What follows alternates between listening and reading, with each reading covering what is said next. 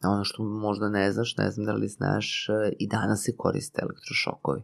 Pre 10 godina, znači pre 10 godina nije tako davno, je bio sporiji život nego danas. Imali smo period pandemije,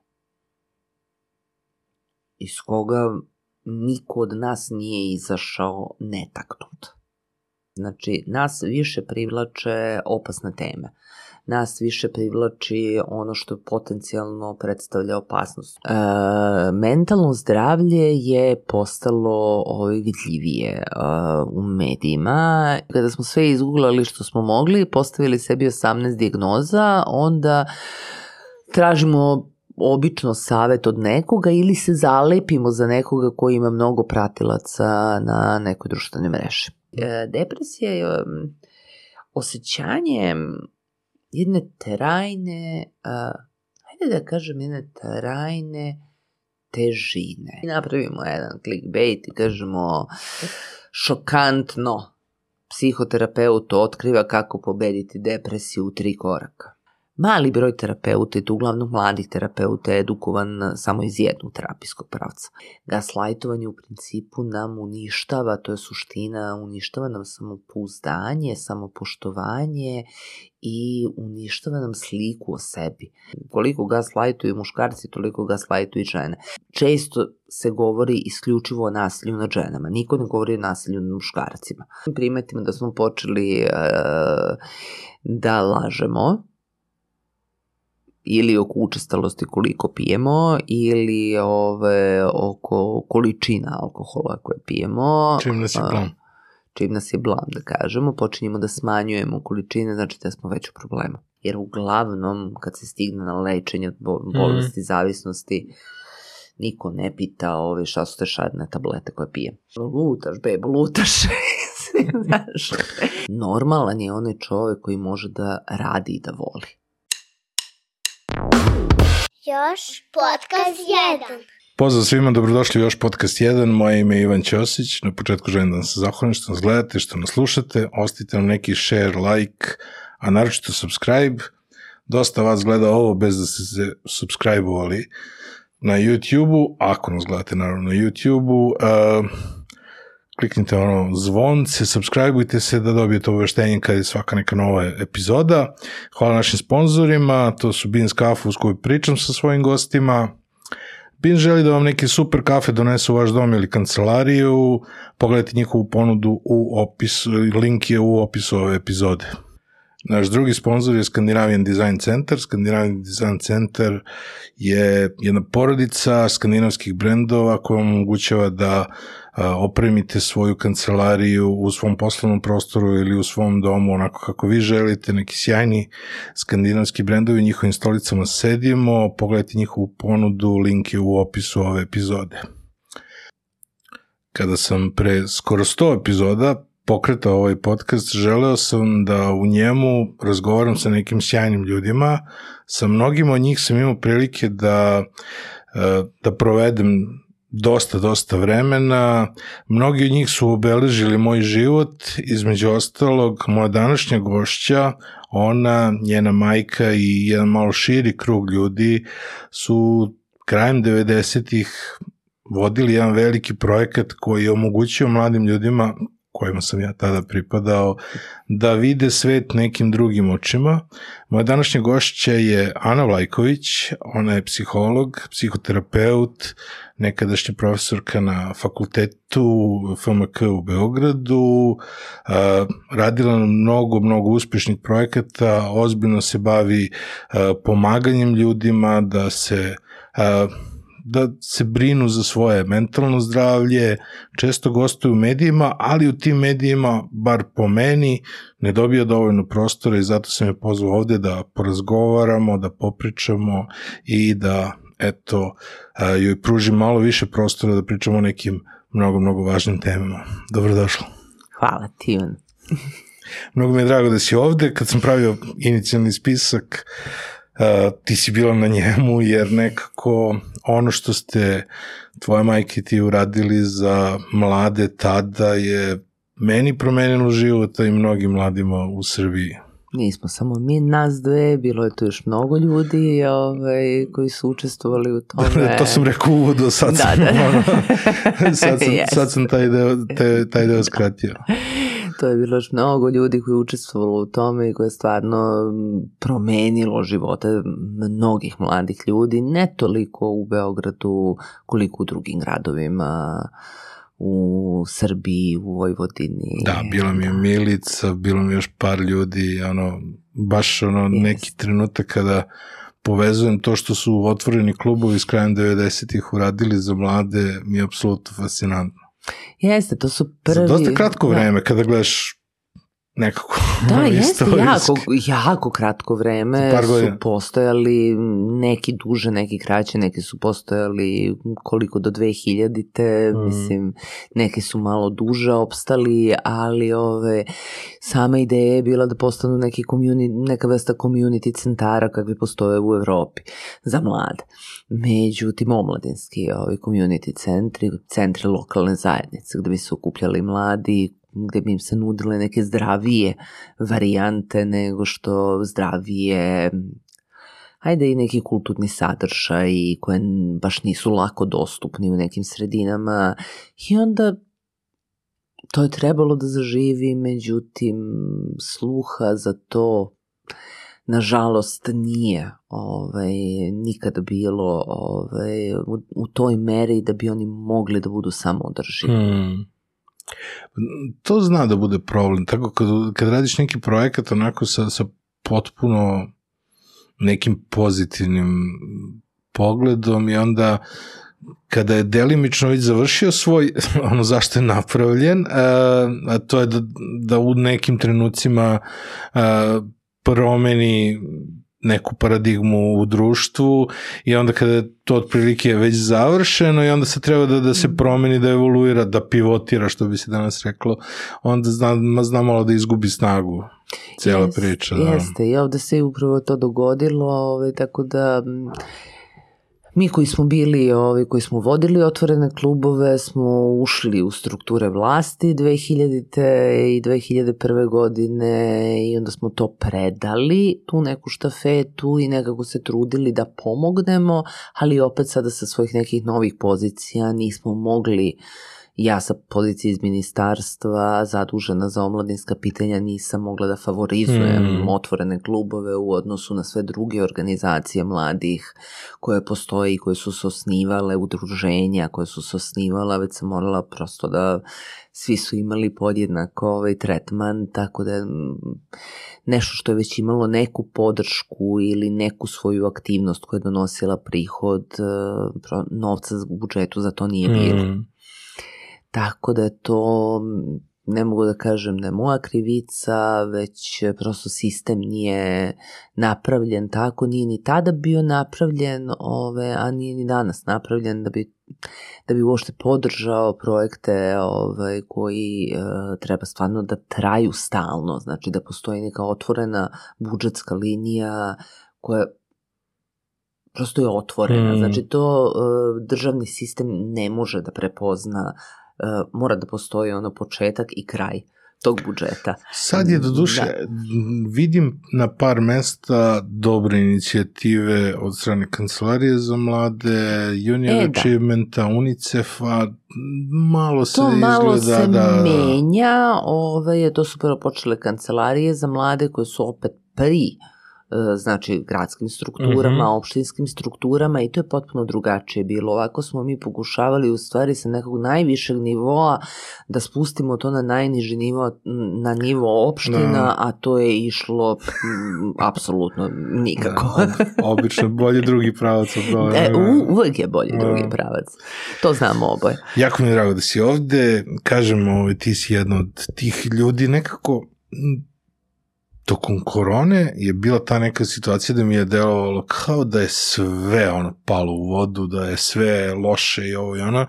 Sam pokušavao da objasnim ljudima, ne, postoji dalje sjajni ljudi, samo se jako malo vidi, jako se malo čuje o njima i to mi je otprilike bila neka ideja sa podcastom, a sa druge strane upravo taj neki kratak prostor, a, ali da ispuštujem tradiciju, ja obično počinjem sa jednim pitanjem koje sam opet dobio od jednog gosta, to je šta ima novo, lepo? Kod mene? ili u svetu, kod mislim, ajde kod mene, bolje. Pa ili može i u svetu, ali što je utjecalo na tebe? E, ajde bolje na mene, samo da se ove, ovaj, orijentišem. Ove, ovaj, pošto se u svetu događaju razne ružne stvari trenutno i loše stvari i tragične stvari, ove, ovaj, tako da s te strane nisu ove ovaj, neke lepe e, vesti. Ono što je kod mene lepo je ove, ovaj, što sam se vratila na neki moj stari režim ishrane, vežbanja i ove, ovaj, vratila sam se u neku, hajde da kažem u fizičkom smislu, mm -hmm. ove, neku staru Anu, pa ono kao i dalje Uh, kad vidim fotografije, kažem sebi, um, kao nemoguće, kao da sam ja ovo obukla ili slično. Tako da, ovaj, čisto ženski. Aha. Ovaj, či, čisto ženski, onako da je, ovaj, to, to je nešto ovaj, na što sam, ajde lepo, mislim, zašto sam ja zaslužena. Znači, nije niko tu bio niti da me tera, niti da, niti postojao bilo kakav ni medicinski razlog, niti bilo šta drugo, nego samo sam ja donela odluku da promenim svoj način ishrane i da se posvetim više sebi, ovaj, jer ako se ne posvetim sebi, neću biti dobar ni za druge. Da, kaže, ovo bućara bušne cipale. e, pa upravo to. A, dosta si u medijima. Pa jesam. Dosta te da. zovu, a, međutim nekako mi deluje kao, mislim, i povod za ovo, doći ćemo na konkretnu temu, ali povod za ovo je bilo tvoje gostova, e, tvoj intervju u politici, gde si pričala o jednoj mnogo važnoj temi. Ja rekao, ej, super ti je ovo, rekao, ali kratko mi je, ti mi kažeš, kao pa bilo je mnogo duže nego su tako izbaceni. Nije mi uopšte jasno zašto online mediji ne mogu pustiti lepo ceo tekst, a da za ono štampanu verziju iz, bude kraći. Ovaj, koliko te, koliko te uh, ti mediji omogućavaju dostupnost ljudima da pokreneš neke važne teme, koliko su mediji spremni za te teme i koliko se te, da se te teme potroše zato što je taj prostor suviše kratak, a ne objasni se dovoljno. Pa to sve zavisi. Sve zavisi od emisije, sve zavisi od voditelja, od tipa emisije, od voditelja, znači od dogovora koji napravimo, znači ja otprilike znam koje vreme ću imati, ako se dogovorimo unapred, ja se onda trudim da spakujem u to vreme najvažnije ono što treba reći. Mislim, uh, To je neka moja strategija. Imaš ja, piramidu važnosti. E, pa upravo to, mislim. Da. Mentalno zdravlje je postalo ovaj vidljivije u medijima i jako je bitno da mi koji smo stručni za to mm. i koji mhm. se decenijama, koji se nalazimo u tom polju i bavimo se mentalnim zdravljem sa različitih aspekata. Ja sam, znači, bila i znači što se tiče psihologije u zajednici i, ovaj, i individualni psihoterapijski rad, znači jedno i drugo sam negde pokrila i kroz svoju specijalizaciju i kroz svoj rad tokom godina, kao što znaš. Mm -hmm. Ove, tako da ja imam jednu drugačiju perspektivu. O, bavim se nekim određenim ovaj, temama, naravno nisam stručna za sve teme, ne idem u, u sve emisije gde me pozovu, niti ovaj, dajem izjave za sve, zato što niko od nas naravno, mislim, kako ti kažem, svaki psiholog... Nisi gost opšte prakse?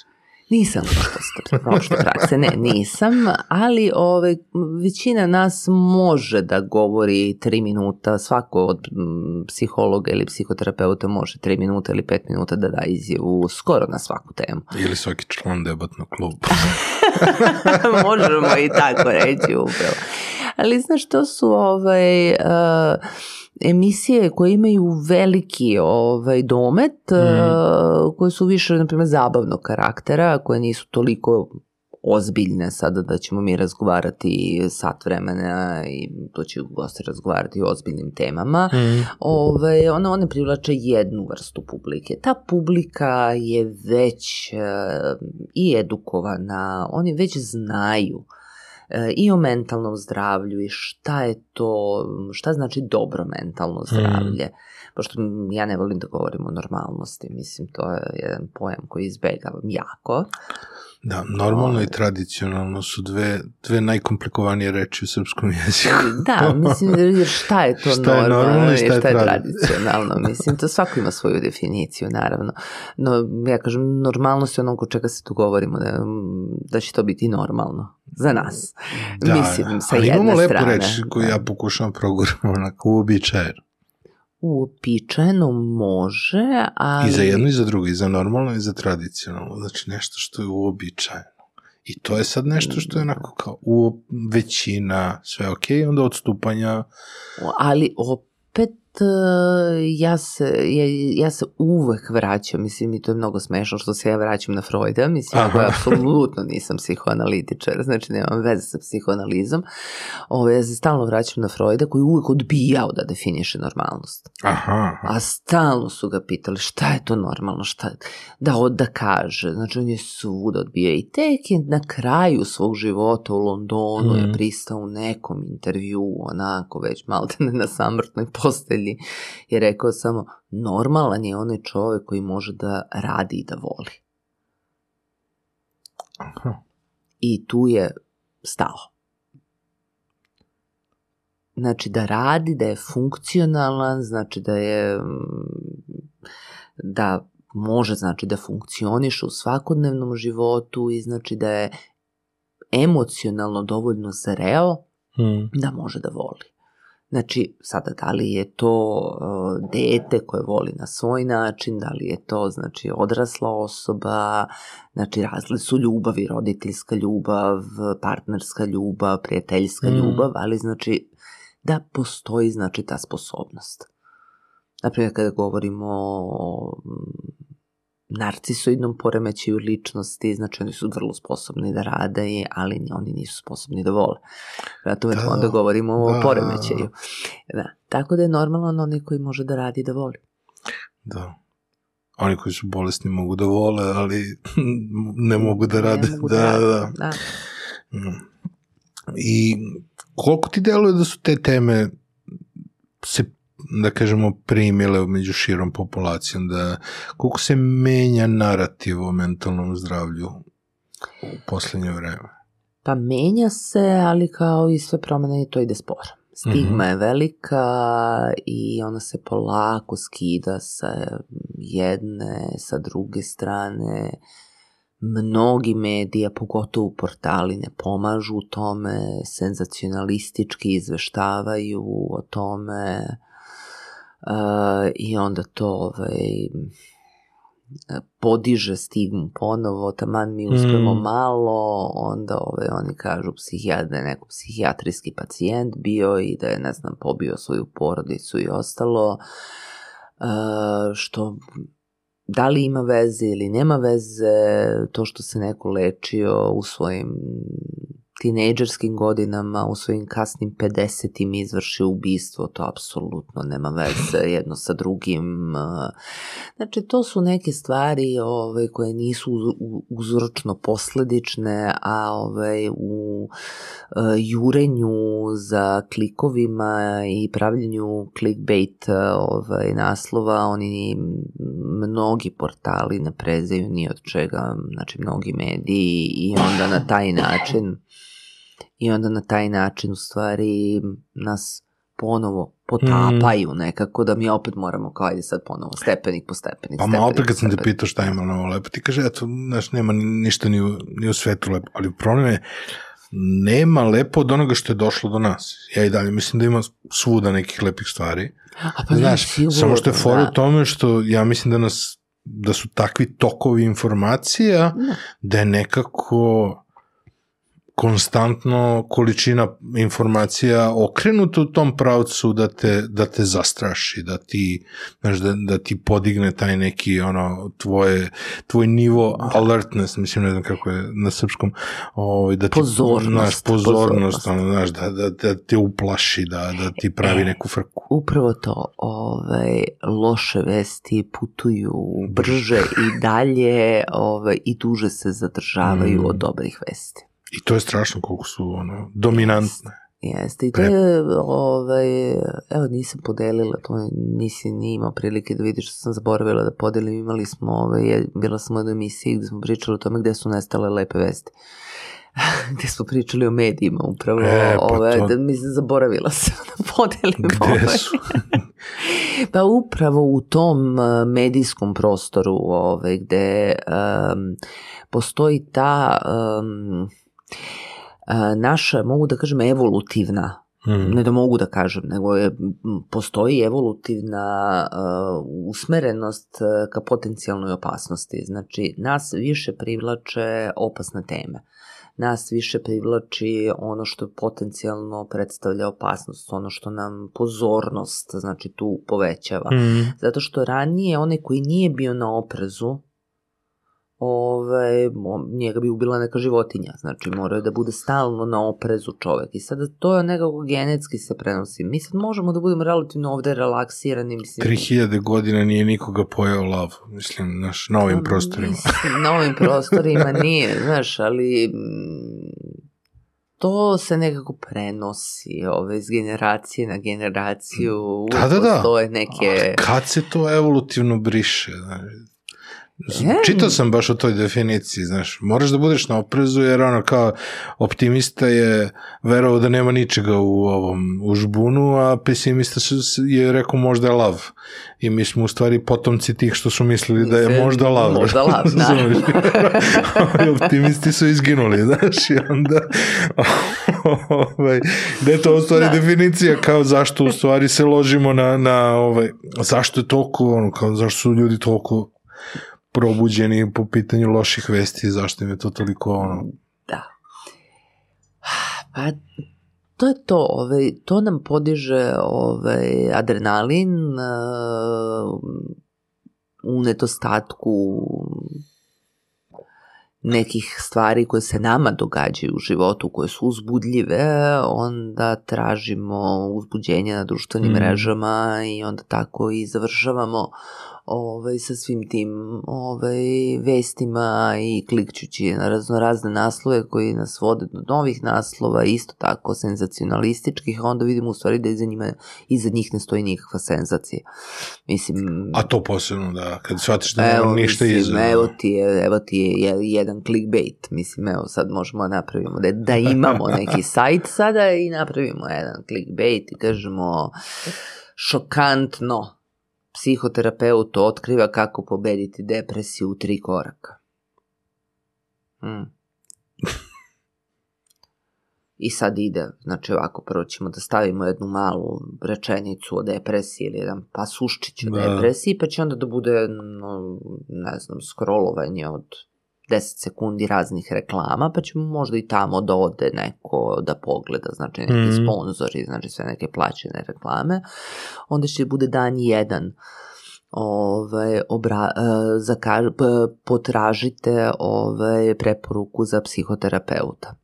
Pa će onda opet da ide razne neki, vi sad tražite gde je sad nastavak, kaže mm. dan dva, zakažite kod psihoterapeuta, pa će onda opet idu reklame, reklame, dan tri, idite na taj zakazani ovaj, sastanak kod psihoterapeuta, mislim, na tu seansu. Znači, mislim, ona ne, mislim, borit ćete se sa depresijom, možda nećete pobediti odmah, eh, možda ćete morati dalje da potražite pomoć, ali to je neki kao prvi korak u stvari koji treba napraviti, ali to ćemo tako prikazati I to je pravi clickbait, znači mislim to je u stvari jedna potpuno, da, to stvarno tako ide, znači ono razmisli, potraži pomoć, mm. idi po tu pomoć da. i pomoć ćeš dobiti. Mislim, ali to predstavimo na taj način. Jedno da pet to... reklama između. Ma da. pet, da. mislim 25, mislim ono ima tu sad da. naravno. Dok sam ja kliknuo, kaže, A, menadžer Rio Tinta ubijan na putu za posao. I, on, no, da, znaš, da, da, kao, šta se dešava, znaš, on, on u Africi. Tako da, o, mislim, tužno što se smejem, ali, znaš, kao nije baš, nije baš isto relevantna informacija da li je ubijeno ono kao kod Tršića ili je ubijen u Africi, znaš, mislim... Ili je ubijen u centru Beograda, pa, da, mislim, znaš, ili ne znam gde, u Loznici. Tako da, ono, znaš, kao, kliknu da. sam odmah i kao, ok, hajde, znaš. Da, ali e, to je upravo to. Je... Ali ne možeš više ni da ih hajduješ, da, da, sa, da sakrivaš kako god, ovaj, zato što po, želiš da ostaneš u nekom toku informacija, ne želiš da budeš deinformisan, a, a opet e, ne želiš ni da, ni da budeš konstantno bombardovan svim e. tim. Mada probiju se i neke lepe vesti, evo sad imamo ovog ovaj, psa koji je bio na, na spašavanju, yes. to nam je sad svima izgleda isfidovano. Yes. Zelenovićeva mornarica, to nam je sve... Da, šta? Pa moramo da imamo Navy Seals, come da, on. Da, naravno, naravno. Pa da, kako da imamo lidera ako nemamo nekoga ono, kao u mornaričkim pa fokama? Pa moramo, znaš, mislim, to je stvarno. Da, kako, da. Pa mi ne možemo da budemo država bez Navy Seals. Da. kako to može država može da postoji? da, da. Da, u stvari, da, to je zbog liderstva Da, upravo zbog mm. toga, mislim, da, da to je. Srpske foke. Da.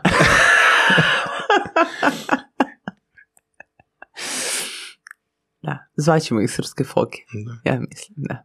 Šapić je bio u delfinima. Dobro, ali da, e, sad je u stvari važno da povežeš zabavu i edukaciju. Jest. I, I tu I da tu je kroz sad... zabavu provučeš neke važne teme i ono kao šta se uvoti, uvoti. Upravo to. Upravo to i e, za to treba puno truda, puno vremena odvojiti i potrebni su voditelji koji su spremni više puta da pričaju na istu temu, da dovode različite goste, pa onda iz različitih uglova da gledamo istu temu, da pričamo o istoj temi, ali sad iz različitih uglova pričamo, ne znam, o bolestima zavisnosti, malo pričamo o kocki, malo pričamo o alkoholizmu, malo o narkomaniji, ali provlačimo stalno negde jednu priču, pa onda Ko billboard, mora prođeš pet puta pored njega. E, minimum. U stvari, mu, ja, ja ga ne primetim dok ne udarim u njega, mislim, to je moj problem ovaj, sa billboardima, pošto ne obraćam pažnju na njih. Ovaj.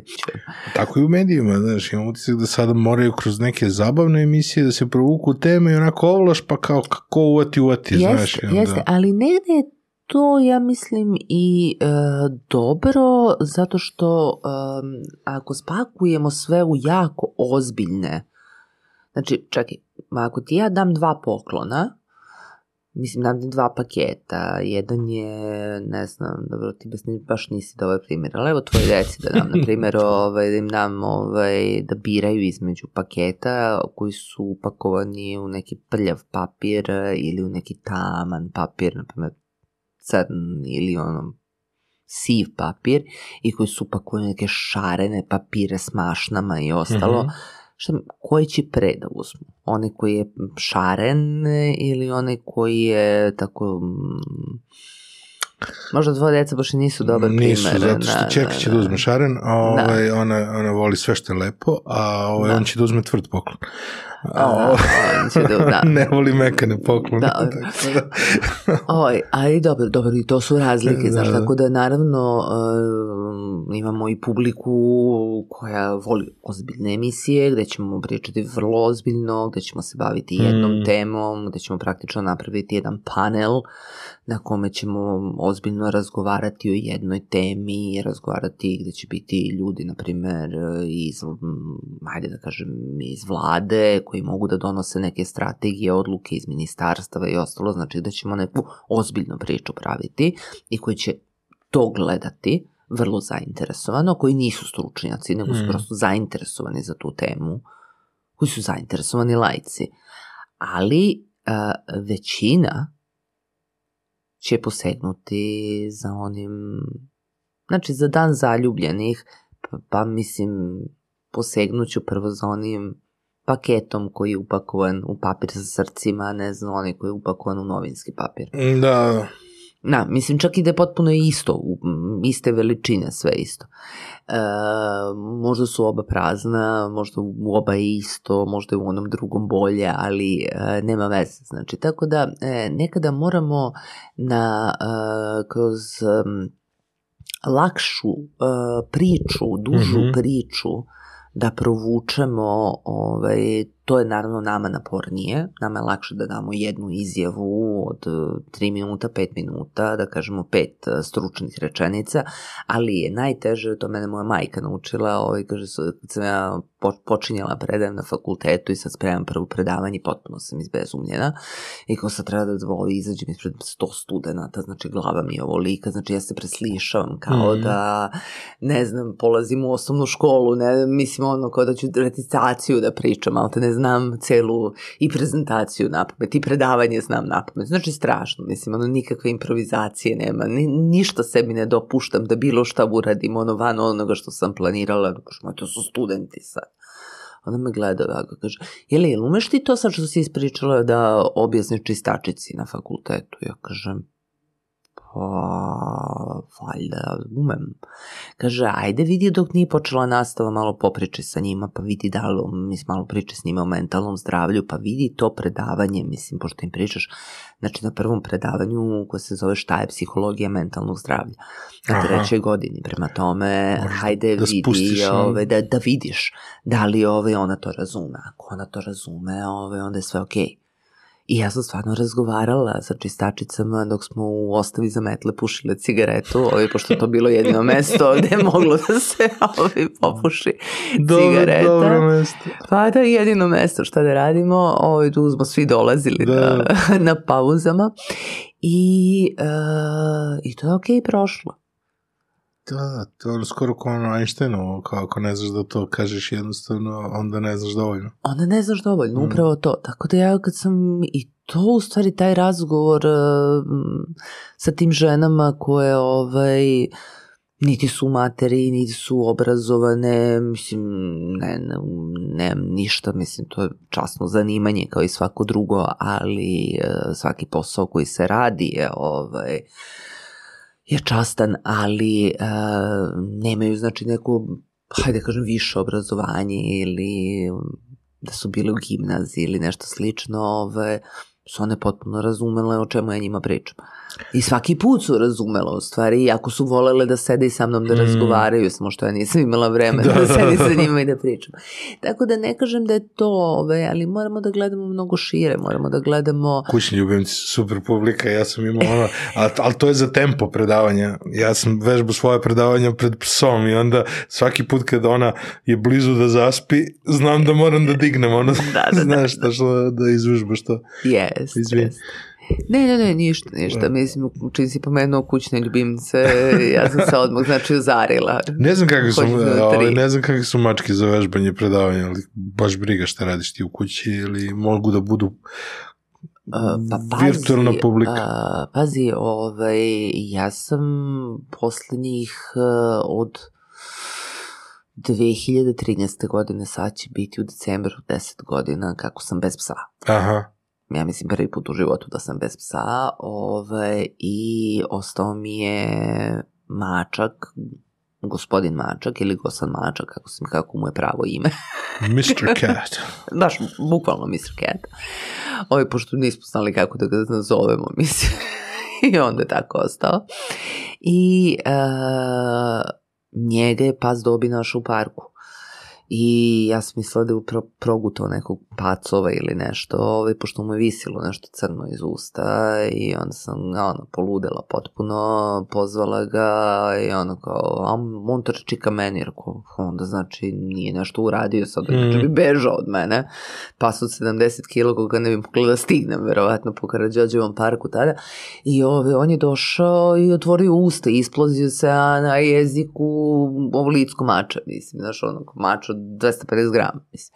I tako je mačak e, i on je brinuo njemu, on ga vaspitavao. Čebe njegov kućni ljubimac. da, on je ponašao se prema njemu kao da je njegov potomak. Mislim, Aha. Tako da je... Mm, on nije baš pravi mačak njemu kad se pokaže, na primjer, ovako da se lupne na stolicu ili na kauč, on skoči, znači potpuno, on dočekuje ljude na vratima, ne mjauče. Mjauče kad traži nešto, Aha. ovaj, uglavnom kad me zove onda mjauče. Aha. A ovaj, to zato što ga mrzi nešto, pa da ja uradim umesto njega. Ove, ali, e, eh, na primjer, kad očekuje ljude na vratima, onda kao pastrči na vrata, stane na vrata i štekće. Ove, ne mnjauče, nego ne, ispušta neke čudne zvuke, nešto kao neko meketanje između meketanja i mjaukanja. Ove, pokušava da laje, valjda, ne znam šta radi. Ove, ali tako i odrastao. Znaš, to je to uticaj ove, odrastanja. O mačku prve tri ili četiri godine svog života nije ni video pošto ga pas, nije, pa, pas mu nije dopuštao da izađe iz kuće uopšte. A si probala ispred mačke nekad, ispred njega da, ove, ovaj, mačka, da, ove, ovaj, si probala ispred njega da, da vežbaš neko predavanje ili tako da nešto uvežbavaš? Pa ili mačak, ono... mačak ne, nisam. Mačak ima ovaj drugu ulogu. Ovaj, mačak je, ima, on ima ulogu, on je moj koterapeut. Aha, aha. Da, on je moj koterapeut uh, i stvarno sad je malo bio bolestan i jako je nedostajao nekim klijentima. Ovaj, stalno su pitali šta je bilo i gde je mačak i tako. Kažem, pa tu je mačak, samo eto ne. Što tokom terapije, ono? Da, da, da, Aha. on dođe i on dolazi u određenim trenucima samo i to mm, ne znam, nepogrešivo nosti kad treba da dođe, ovaj, niti ga ja zovem, niti ga bilo ko zove, on samo uđe u prostoriju i priđi, nasluni mhm. se na nogu, znači prilično se ponaša kao pas, kao što se ponašaju terapijski psi, mislim on tako priđe, nasloni se ili čak i skoči i onda krene nasilno da se penje u krilo mhm. nekome, mm -hmm. čak i kada radim partnersku terapiju, onda zna čak i na kauču, ako su, znači ako oni sede par, sedi levo i desno, znači jedno od drugog, on dođe i legne između njih. Ono kao otprilike kao dosta, smirite se. da. Razgraničenje. Da, da, da, linije razgraničenja. Ja ga zovem plavi šlem u tom trenutku. U stvari, jedan klijent ga je nazvao, kaže, pa mi kao plavi šlem. Ona, da. Ja kažem, evo vidite, rekao, znači, dozvali ste mačka koji je bolestan, znači, on je ustao iz kreveta, došao iz druge sobe, prehodao sve, na šapi koja je operisana pre sedam dana, on je došao tu zato što prosto ono ko niste hteli da uzmete time out kad sam vas ja molila da uzmete time out i da malo budemo u tišini da se malo smiri situacija ali to su situacije koje se događaju u terapijskom mm. radu eto ajde uh, ono jednostavno ajde uh,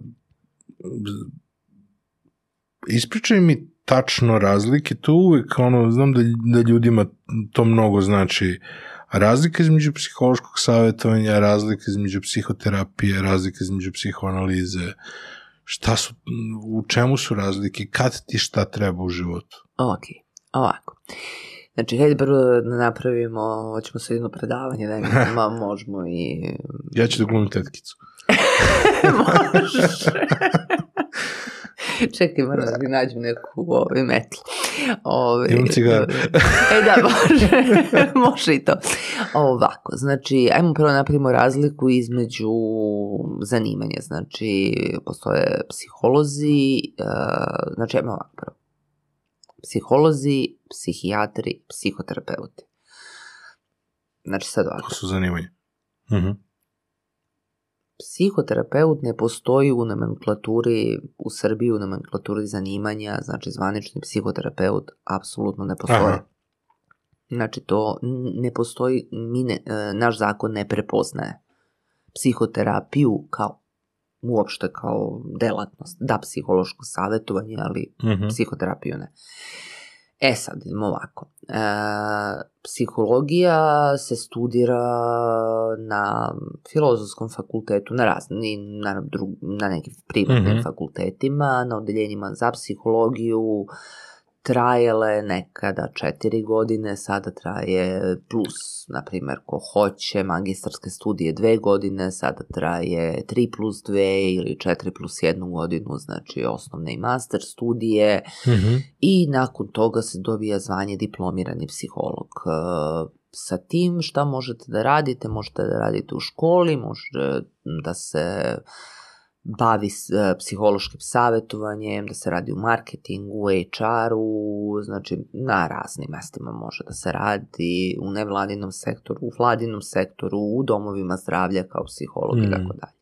Može da se ide Znači, možda se radi u domovima zdravlja, u medicini rada, možda se radi na psihijatriji i onda kasnije odlazite na specijalizaciju posle polaganja državnog ispita, na specijalizaciju, na primer, iz, ne na primjer, iz medicinske psihologije. Dobro. I tad dobijate u stvari zvanje, ono što se nekada zvalo specijalista kliničke psihologije, danas se zove specijalista medicinske psihologije uh Ta specijalizacija traje tri godine, odvija se u okviru medicinskog fakulteta, u okviru kliničkih uh-huh. centara, medicinskih fakulteta i kliničkih centara. Znači tu nije uključen filozofski fakultet. Znači tu ulazimo u domen psihijatrije.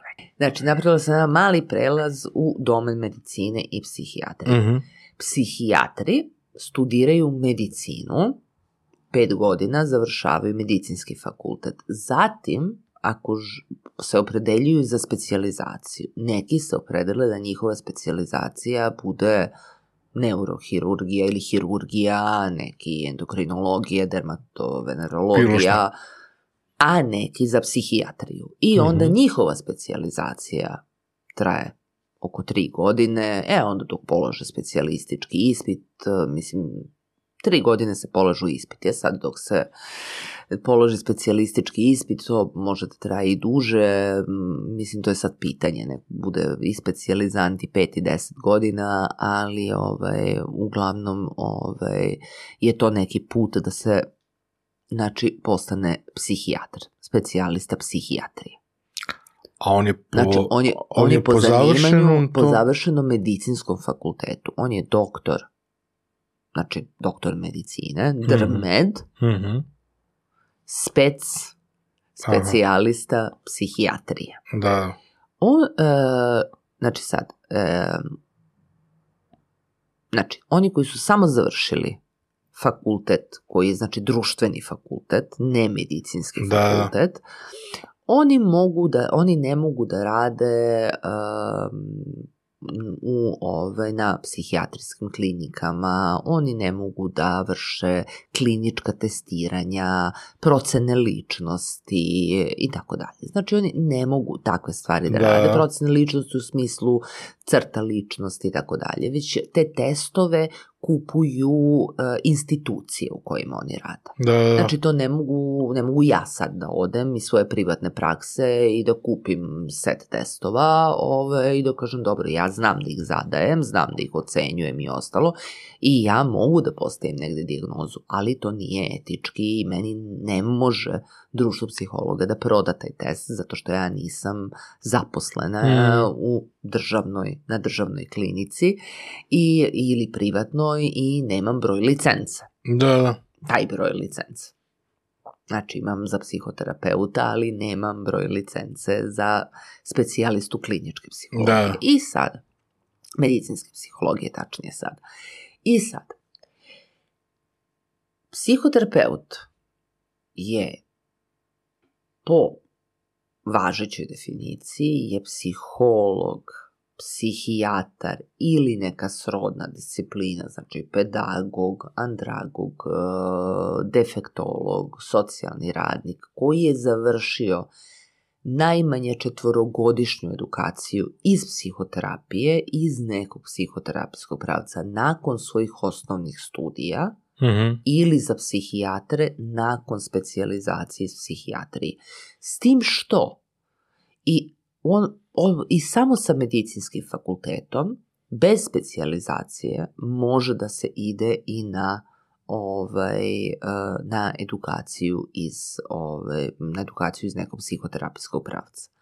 No. Da. Znači, mi možemo imati samo psihologa, samo psihijatra, psiholozi ajde, najjednostavniji, psiholozi ne mogu da prepisuju lekove, psihijatri mogu da prepisuju lekove.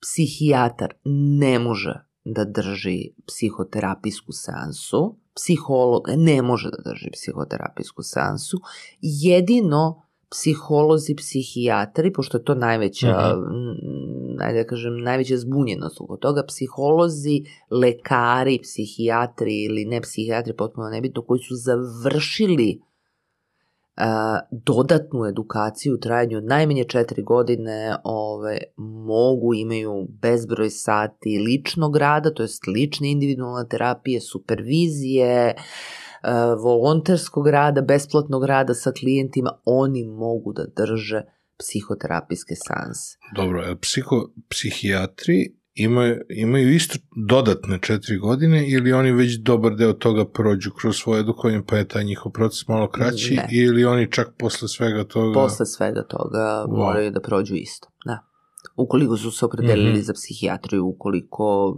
imate poznate psihoterapeute koji su samo završili osnovne studije medicine, nisu otišli na specijalizaciju nikakvu na medicinskom fakultetu, ove, već su... Aha, ima i toga već su ove, se opredelili za psihoterapiju i oni samo imaju doktor medicine. Doktor medicine, psihoterapeut. Psihoterapeut. Aha, aha, aha. on je otišao ni ovim jednim, ni ovim drugim. da. aha. Da.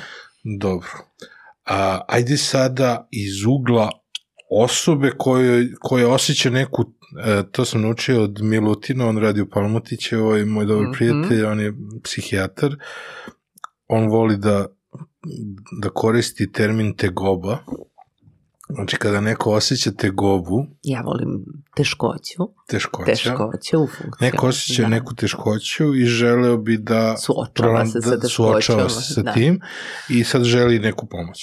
Mm. Koji je otprilike kao, kao ona tri za depresiju, ali da. koji je otprilike neki redosled poteza? Mislim, sve zavisi šta osjećamo. Znači, to je e, obično kod nas ljudi se prvo obraćaju psiholozima, mm-hmm. psihoterapeutima, hajde da kažem. Neki se, mislim, ni, Svi se e, obraćaju e, prijateljima i svi prvo obraćaju, prijatelji ajde. ti daju neki kontakt i ti onda ne e, znaš da li je to baš dobro za tebe. Čekaj, i... prvo se obrate, ove, prvo se obrate astrologu i numerologu. Ove. Ako ćemo tako. Jeste. E, reći nešto imam i ja, ovaj, moju astrološkinju, ovaj, mislim, ne, da radili smo ovaj, jedan, mislim, prilog o traumama, relacionim traumama, Aha. pa mi je ona bila jedna od sagovornica ovaj, za lepotu i zdravlje baš tema za letnji dvobroj baš i nije bila, ove, ovaj, tako da, ove, ali ipak smo to uradili, pa smo se upoznali, pa smo u mm. kontaktu mm. i tako, pa mi ona nešto pričala, pa me tako iznenadila sa nekim informacijama ove, ovaj, o meni. Posle astrologa da. i numerologa, e, kako Posle ide astrolo- e, a, i, ove, I Google.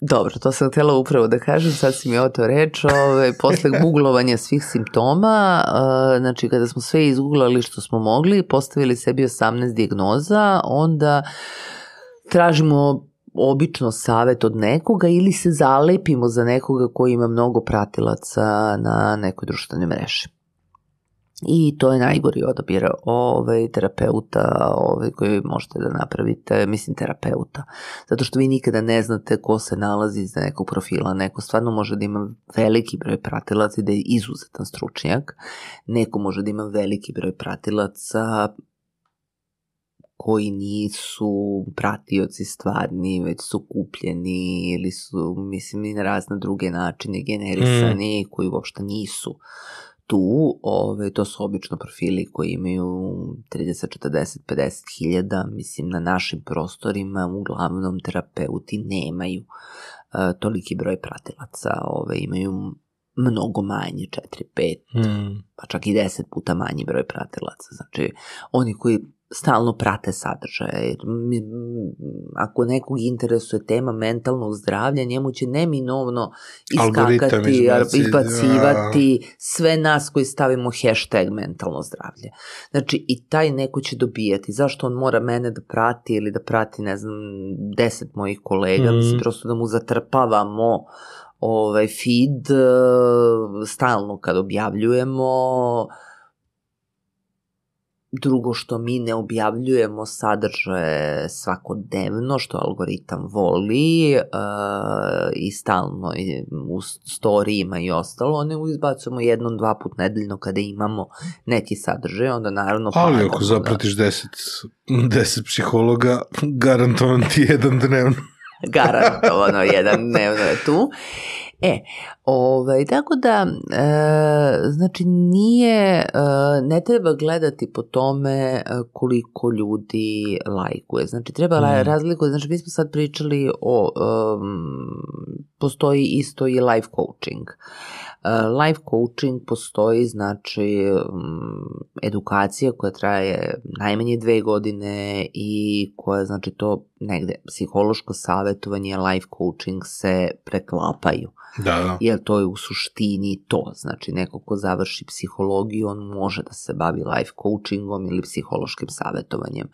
Ali ovaj, ne može da ide u dubinsku, mislim dubinsku, ne može da ide u psihoterapiju, znači koja se bavi, ovaj, znači gde se uči da se radi tokom edukacije, od znači neuroza, od kriza, znači onih mm. najobičnijih stvari koje nam se događaju u životu, od svađa naših porodičnih, pa do ovaj, e, teških e, mentalnih bolesti, teških dijagnoza, poremećaja, znači psihijatrijskih, znači gde se čitav dijapazon tih klijenata pokriva, gde se uči kako se radi sa decom. Znači, mislim, znate, kako što nećete svoje dete poveriti tek tako ako dete ima neki problem u ponašanju, nećete tek tako sa društvene mreže naći nekoga i reći je kao ovaj, divno piše, ne znam, o deci i kao to je terapeut za moje dete, nego ćete jako dobro da se, svako će da se mm. raspita, e pa tako isto i za sebe. Treba da. jako dobro da se raspitamo, a sad je super što smo, um, svi smo mi uh, na Google. Prema tome, nemoguće da nismo. E, znači, ukuca se ime, prezime, kliknete, imate fotografije, imate video, imate objave, imate znači, PDF. Prvo će izaći profili i onda ćete vidjeti koliko osoba ima profila i onda će vam izaći relevantne informacije, ono što Google smatra relevantnim najnovim mm. informacijama i onda možete lepo da vidite ko je ta osoba. Naravno, Postoje osobe koje se manje eksponiraju medijski i onda ih manje ima prosto na društvenim, ne na društvenim mrežama, manje ih ima na društvenim mrežama i postoje osobe koje se više eksponiraju. E sada, mi koji se više eksponiramo, mi smo više aktivistički, ovaj, mm. aktivističkog duha, što smo uvek i bili, ovaj, barem prosto to je ta psihologija u zajednici, znači pro, ono, približimo to mentalno zdravlje što širem auditorijumu, što širem broju ljudi, znači to nije ekskluzivno nešto. Znači da, psihoterapija košta, ali briga o mentalnom zdravlju i načine na koje sve možemo da brinemo o svom mentalnom zdravlju su praktično besplatni. Znači, ne može ni jedan post naravno da zameni ovaj, seansu psihoterapijsku, mhm. ali može da vam ukaže da možda neki problem postoji, da nešto možda možete da promenite na bolje, da nekako možete da bolje da funkcionišete da ako promenite samo jednu ili dve stvari. Znači da nije to tako strašno. Mislim, imam klijente koji su dosta stvari promenili pre nego što su mi se javili. Aha. Da, mislim, zato što su pročitali i onda su kao, aha, kao, videli su neke moje savete, koje, mislim savete, pod znacima navoda, mislim neke kao, ajde ja kažem... Tips and um, tricks. Da, otprilike, mislim, nisu to saveti, to je više ovaj, onako kao neka moja priča, da je to mm. neka moja životna priča, uglavnom delim moju životnu priču ili neke priče iz prakse koje nisu priče iz prakse, da iko može da se prepozna, već je to, na primjer, 50 klijenata koje ja sklopim u, ovaj, u nešto ove, što deluje relativno kratko da može da stane na jednu Instagram objavu ili malo duže za Facebook pa onda to bude malo duže mm. ali ove, to su uglavnom negde da ljudi mogu da se prepoznaju i onda kada se ljudi prepoznaju a, kao što je sad evo, od juče emisija ovaj, bila gde smo jako malo vremena imali, e, zašto nam je tako teško da kažemo ne?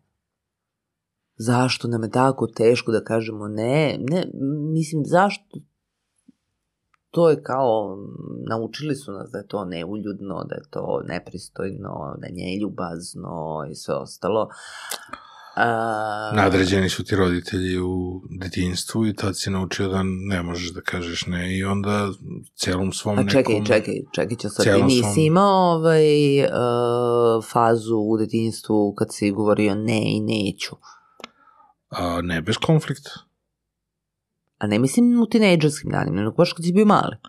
A, imao Ajde, sam, ti se, da su tvoja deca. Imao sam ovaj, fazu, ali hoćeš da ideš u prodavnicu? Neću. Neću. Uh, idi u prodavnicu, pa što si mi što ste me pitali ili hoću ili neću. Ako me pitate za da li ja imam sad želju da idem u prodavnicu, nemam. Znaš, ako hmm. treba da se ode, ja volim jednostavno, ono kao, ej, treba mi treba mi da odeš u prodavnicu, nema problema, idemo u prodavnicu, ali kao, ti želiš, da li ti sad imaš veliku želju da odeš, nemam. Ja slušaj blago tvojim tako roditeljima, da, ove... tako da ovaj te nisi imao tu fazu, neću. Pa da, ove a, ali e, deca razvojno imaju fazu mm-hmm. kada u jednom uzrastu počinju da govore, to je između treće i pete godine, to sve zavisi neko, neke dece traje duže kod neke kraće, koju mi zovemo kolokvijalno neću faza neću deca. Mm-hmm. Ove, sad su fa, neću fazi i, ili ne fazi i to je period kada se deca u stvari diferenciraju, kada počinju da se diferenciraju od svojih roditelja, kada shvataju da su odvojeni i da oni mogu nešto sami. I onda kao i mogu da kažem ne. Jer e, to je faza u razvoju. I onda posle se izgubi, naravno, do puberteta se... Ali je komunikacijona stvar komunikacione stvari, ti kad uzmeš i, i dete pitaš da li nešto hoće, ono neće jer ima svoje, svoje da, prioritete da, da. i problem je u roditeljima koji postavljaju pitanje. I mm. ja sam imao to u okruženju sa, ovaj, sa svojom decom. Znači svaki put kad je kad ih, pitaš. kad ih neko pita da li nešto hoće, kažu neću, neću. jer hoću neću, znači neću je negacija od hoću. Da. A kad im kažeš ej, moramo nešto da uradimo super, ajte sa mnom treba mi pomoć ili idemo, oni e, prate. ali to je, to si... je praćenje. To je znači ti im daješ primer, ideš i oni idu za tobom. To je da. potpuno drugo. Znači, ali, ali ti kad ja im... kažem samo da, da je problem komunikacijani, jer mi to. nismo formatirani na kvalitetan način da taj deo nismo pravimo... Nismo naučeni da komuniciramo kako treba ni, me, jer on ni ti međusobno. Sad ti, ti pitaš hoćeš li kao da bi bio pozitivniji, onda dobiješ neću i onda ti moraš da odgovoriš na to moraš ti praviš haos za ceo život. Umesto da uđeš marketinški, da im objasniš benefit, zašto je važno da idu sa to, znači, to da li hoćeš ili nećeš... Misliš, izmanipulišaš ih drugim rečima. Pa zavisi, zavisi. Nije manipulacija ako je krajnji benefit njihov. Pa ne, da. Mislim, manipulacija u svakom slučaju, bez obzira na benefit. da, manipulacija je zapravo negativno doživljena reč, a može da se gleda na dva, na dva načina. Naravno. E, uglavnom, ovaj, to je sad ovaj, bila emisija ovaj, juče i kratko je to bilo, u stvari deo emisije. Mm čovjek mm-hmm. mm. radno kratko gostovanje gde smo pričali o tome u stvari koliko važno, mislim ja sam govorila o tome koliko važno da, ka, da naučimo da kažemo ne, jer da bismo rekli da bilo čemu, mi prvo moramo da naučimo da kažemo ne. Jer ako ne možemo da odbijemo, onda je sve da onda to naše da nema nikakvog smisla, mislim ne, nema nikakvu težinu, mi ne znamo na šta pristajemo. Mm ako e, nemamo opcije, ako nemamo mogućnost izbora, ako nam je, znači ako na sve moramo da kažemo da, a mi ne moramo. Znači mi moramo da poštujemo, neke, moramo da postavimo granice, hmm. postavljamo granice da bismo zaštitili drugi, ne da bismo povredili druge, nego da, da bismo zaštitili i drugi sebe. Znači da druge ne bismo povredili, a da ne bismo sebe preplavljivali sad kao odrasli, znači da li ti možeš da primiš, e, ne znam, još 10 klijenata u toku sledeće nedelje? Novih. Nažalost, ja sam u da ekipi. A ti si u da ekipi, ali možeš i primiš 30. I opet bih rekao da. Naročito ako ta, ako ta molba dođe preko prijatelja ili tako, preko neke preporuke. Ajde da idemo na 50 u brojku. Opet bih rekao da, ako je po preporuci. Nažalost. Ako nije po preporuci. Da, po, ako nije po preporuci, ako mu nije važno da mi rekao, ej, našao sam to ovako onako, kao možeš, to nije problem. Ja imam taj, ali to je definitivno nešto što bi moglo da se, da se istraži ali, čekaj, sa, sa psihološke strane. Naravno. Zašto ja moram da prihvatim sve što dolazi a, e. kroz e. taj neki prijateljski kanal, znam, to, da, da, e, da ne bih izneverio pitanje, e, preporuku. Pitanje je tvog kapaciteta. Znači, tvog kapaciteta i tvojih prioriteta. Mm -hmm. Znači, da li to utiče na vreme koje ti provodiš sa porodicom? Da li utiče to... na sve. Pa, utiče na sve. Na tome, ako ti primiš 10 novih ljudi, ili ja primim 10 mm -hmm. novih ljudi sledeće nedelje, ne znam gde bih stavila uopšte, Ove, ovaj, ali ako bih primila 10 novih da. klijenata, ovaj, produžila nekako dan, ne znam, nemala pauzu za jelo i bilo šta drugo, znači onako da sve sabijem i primim deset novih, ja sam apsolutno sebe eh, ono, zacrtala sam sebi, otvorila sam sebi vrata i zakoračila već unutra jedan veliki korak napravila ka tome da u roku od dve do tri nedelje, najviše mesec dana, sagorim potpuno i da moram da odem na odmor, zato što apsolutno, mm. ono, stavim ključ u bravu i kažem, ja sam gotova. Znači, ja ne mogu da primam više ništa, jer ja nisam dobro. Znači, to je ta granica koju moramo da budemo svesni svojih kapaciteta. Znači, dokle mi možemo da idemo. Dobro. I onda da u tom smislu naučimo, ovaj, da kažemo, ovaj, na lep način, asertivno, da kažemo ne. A to znači da ljubazno odbijemo i da kažemo, na primjer, ili prijatelji koji nas zovu na slave, na primjer, i sad te zove, nekako kad su ove velike slave, zovete njih petoro, na primjer, na slavu. E sad, ja možeš ti da stigneš na pet slava, na primjer. Pa uspeš nekada, ali... Mm. Dok sam dobro. bio mlađi. Dok sam bio mlađi, ok, dobro.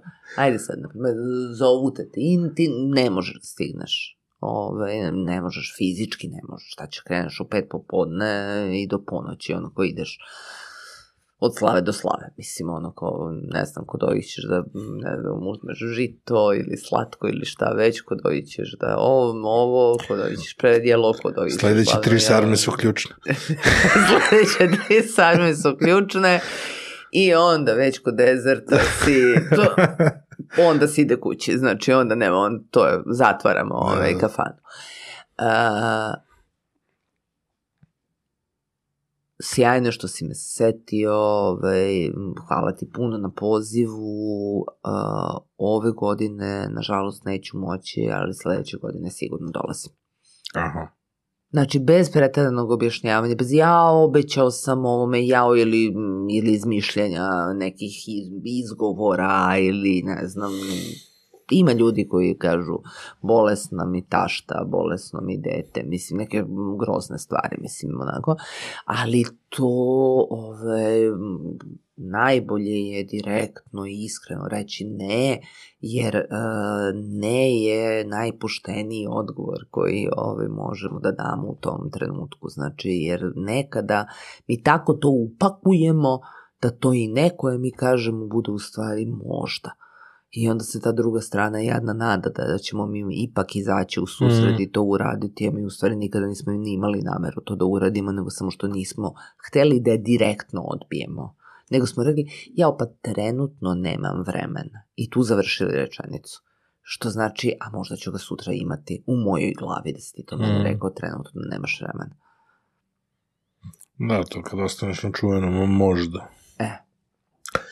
A, Ali sad si me, na, e, sad si me do, dovelo blizu do jednog pitanja koje ima veze sa, ove, a to je ja recimo mogu da outsourcujem svoje poslove.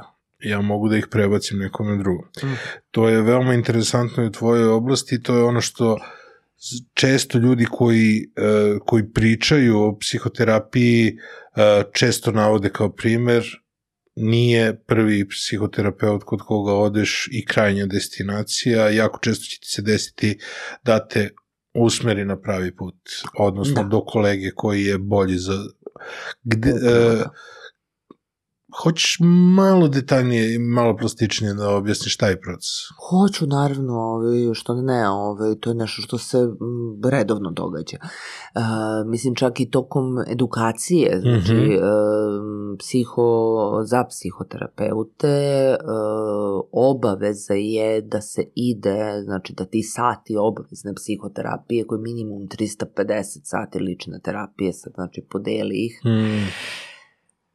Da, 6 put 5 30, ovaj, 7 puta 5 35, ovaj, ako bi išao 50 nedelje godišnje, što je faktički nemoguće, znači to je minimum, znači neki da se, ovaj, da dobiješ licencu, evropsku licencu za bavljanje psihoterapijom. Da, što znači, no, 8 godina, znači ti možeš nacionalnu ćeš dobiti, znači naravno kad završiš ove ovaj, svojih obično, znači ako edukacija traje četiri ili pet godina ti ćeš dobiti negde u šestoj godini ćeš otprilike dobiti u petoj ili šestoj godini ćeš dobiti mm -hmm. ovaj sertifikat možeš da radiš kao psihoterapeut samostalno ovaj, samo što jako malo nas radi bez supervizije zato što je supervizija i uh, peer supervizija i supervizija kolega koji imaju prosto veće iskustvo sa nekim ili rade na klinikama, jer kad se nama pojave klijenti koji ne žele da uđu u sistem, mm -hmm. a mhm. mi znamo da im je potreban sistem, pa onda gledamo kako da to ovaj, prevazićemo. A, što se tiče tog prvog odlaska kod terapeuta treba otići onog potpuno otvoren. Reći, mislim, sam terapeut, mislim, ako terapeut ne pita zašto vi u stvari dolazite kod mene, nego kreće, mislim, naravno, prvo idu neka pravila. Mm-hmm. Terapijski ugovor se prvo pravi. I onda zašto dolazite kod mene? I sad, znači sad to je A stvar A, B, C, D, E, F, G, H. Ove, nije bitno ili je samo jedna stvar ili 50 različitih stvari i onda se dogovorite, na primer, hajde da vidimo, ove, vi ćete kod mene dolazite, na primer, sledećih mesec dana, jedan puta nedeljno. Mm-hmm cene ta i ta i na toj četvrtoj sansi ćemo razgovarati o tome da vidimo da li sam ja najbolji terapeut za vas e, ili ćemo ovaj, videti uh, da li želite da vam ja potražim drugog terapeuta, da vam preporučim, da vam dam listu nekih terapeuta ili želite vi sami da potražite neku drugog terapeuta. Znači, ukoliko ja procenim, ukoliko oboje procenimo, mm -hmm. znači klijent i terapeut ukoliko procene da nisu jedno za drugo. Ono što moram sada da kažem, to je da uh, ljudi se vežu, e, čuli su za, ne znam, kognitivno-behavioralnu terapiju, čuli su za psihoanalizu, čuli su za transakcionalnu analizu, čuli su za geštal psihoterapiju, čuli su za ovo, čuli su za ono, e, čuli su za svašta su mhm. čuli. Mm -hmm. I onda se vežu za taj, kao traže terapeuta iz tog pravca. Dobro mali broj terapeuta i to uglavnom mladih terapeuta je edukovan e, samo iz jednog terapijskog pravca. Ove, svi mi imamo po više edukacije, znači to nije samo mm. pet, nego je po 10-15 godina edukacije, znači ne priznaje se ono od ranije, znači opet se kreće od prve godine, znači stalno se školujemo za nešto. Mm. Ove, I to jeste jedan, jedno konstantno učenje, zato što moramo da budemo u toku sa da. svim što se događa. Ove. I uglavnom ove, um, Stvar u tome da uspeh same terapije, mislim uspeh, kako posmatramo uspeh, uspeh e, merimo u stvari um, zadovoljstvom klijenta i, uh, pošto ne, ne može se govoriti ono, procenat uspešnosti lečenja, kao u medicini, to ne postoji. Mislim, nego je o, ovaj, mortalitet. mislim je Ortopedija osnovno. kao zarasla mu noga. zarasla mu noga ili mu nije zarasla. To ovde nema ovaj, u, psiholo, u psihoterapiji, nema u oblasti mentalnog zdravlja, toga nema. Već se govori o funkcionalnosti, znači koliko je osoba sada bolje funkcioniš u svom životu, koliko je bolji kvalitet života. Mm -hmm. a, I znači... A, Što su dosta subjektivne kategorije. I zato to procenjuje sam klijent. Mhm. Mm i najčešće, o, mislim, to su istraživanja pokazala, koje su rađene, velike istraživanja koje su pokazala, da to uopšte ne zavisi od modaliteta, nego zavisi od terapeuta. A... Znači da to sa modalitetom apsolutno nema nikakve veze. Znači, ja mogu da budem sjajan terapeut za desetro. Doći će 11 i za, s kojim ja ne mogu da radim. Aha. Znači, ja ne mogu da radim. Znači, postoje ljudi sa kojima ja ne mogu da radim. Ne zbog toga što imam neke predrasude, nešto. Prosto, no, ne mogu da radim. Hmm. Na nešto podsvesno, da li iz moje prošlosti me podsjeća, da li... Um, nije bitno uopšte. Izgled, miris, boja glasa, pokreti, uh, Znači, nešto ja prosto, ja ne mogu da, da radim s tom osobom, znači ja se ukočim, sedim ovako i ono kao, čekam da prođe tih 50 minuta i da kažem prijetno doviđenja, ono ko hoću, kažem, nemojte ni da platite, samo nemojte dolazite, molim vas više. Ali to su ljudi koje odmah uputimo negde, jer vidimo da je kod aha, nas problem aha. i onda mi idemo na moju ličnu, na, onda ja odem na moju ličnu terapiju i onda vidim, ne samo ja, nego sve moje kolege, onda mi odemo kod naših terapeuta i onda mi sa našim terapeutima onda kao aha, ovo se desilo, da vidimo šta mi to nismo još negde iščačkali iz ove ovaj, prošlosti neke ili iz podsvesti, šta je to nas trigerovalo kod ovog klijenta da mi sa njim ne možemo da radimo, ali to isto ne napuštamo odmah, ako klijent insistira da ostane kod nas, a postoji klijenti isto koji apsolutno ne mogu, um, neki klijenti očekuju da terapeut izgleda na određen način, da uh, imaju predstavu kako uh, eh, klijent, kako terapeut treba da mu se obraća, Znači, na koji način, kojim tonom glasa, um, da li, veze, da li će biti muško, žensko, znači to, to su negde očekivanja klijenta. I sada, uh, kada se od prvi put na psihoterapiju, teško da će prvi put taj klijent, e, potencijalni klijent, baš da ubode iz prvog puta, baš mm. tog zamišljenog, idealnog terapeuta, jer nikad ga neće ubosti, nego će se zadovoljiti nekom najpribližnijom varijantom koju bude našao u toku nekog puta koji može da traje i godinama. Mm. Zato što ako neko traži savršenstvo, mislim i luta, znaš, ono, lutaš, bebo, lutaš znaš. Tako da je to, ali e, to je proces traganja.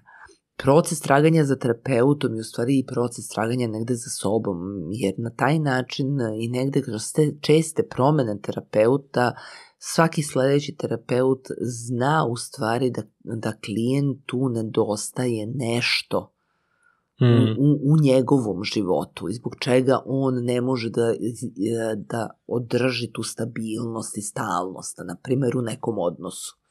I onda, ako se malo pročeprka po tome, onda se vidi da se to ponavlja kroz sve odnose da su svi odnosi mm. i u privatnom i u poslovnom životu da se poslovi stalno menjaju, da se stalno veze menjaju, da ne moguće ostvariti neki partnerski i dug, dugotrajni odnos i tako dalje. Šta hoću da te pitam? A, imam jedan moj dobar prijatelj do, koji je lekar, hirurg, doduše ne za oblast koja mi je u tom datom trenutku bila potrebna, a, bilo, bilo pitanje neka intervencija koja je dosta onako kontroverzna i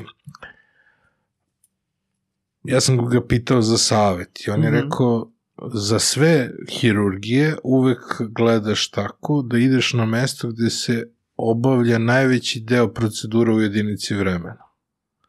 I onda ti je tamo otprilike sve jedno i koji je hirurgu pitanju mm -hmm. i sve mhm. ostalo, jer je to mesto gde su najviše ljudi u praksi i, e, da. ovaj, da. i onda kao e, što je njima rutina e, eh, postoje reč rutinskija, ove, mm. ove, da. što, što je njima uobičajenija. Što, što su više u rutini. Da, što su više u da. rutini, da. to, je, to je bolje i to je manja šansa da, da se desi.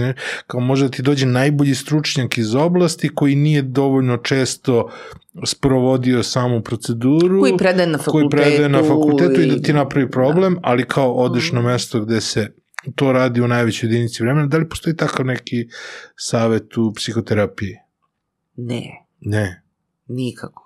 Da postoji Zamisle ono tipski zavis... psihoterapeut za bolesti zavisnosti. Ne, naravno da postoje. Znači, postoje alkoholozi, postoje, znači, ljudi koji se specializuju. Alkoholog, čovječ, kako dobro ti tu? Pa. E, postoji narkolog. Ne zove se baš tako. Znači, mislim, uglavnom, e, da, za alkoholizam postoji, mm -hmm. ovaj, ali u suštini je to jedna kraća edukacija, znači to je, hajde, nešto što bi se u medicini zvalo subspecijalizacija. Aha, aha. Ovaj, znači jedna uska oblast ovaj, da, niš. koja se bavi bolestima zavisnosti. Aha, aha. Znaš, i to je sada, eto to. A šta se da. gleda u psihoterapiji?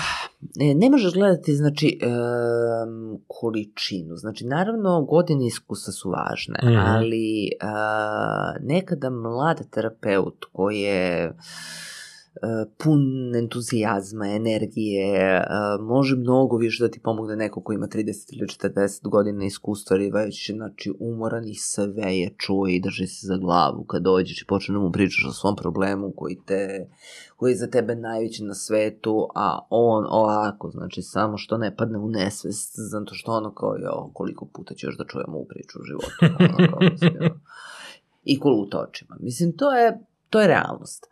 Uh, to su ljudi koji su sagoreli to su oni ljudi koji su sagoreli, koji su već toliko godina rade da bi trebalo malo da uspore, da počnu da predaju, na hmm. primer, mm. ili prosto da se usmere na tome da imaju manji broj sansi, da rade samo sa specifičnim klijentima, da rade supervizije sa nama koji smo u praksi ono svakog dana. Da, da, znači, da. po... Ali postoji neki optimum, a to je, znači, Oni kažu do 8 klijenata dnevno, znači to je apsolutno nemoguće. Neki optimum je između 5 i 6 klijenata dnevno koje jedan terapeut može, ali to je terapeut sa makar 10 godina prakse.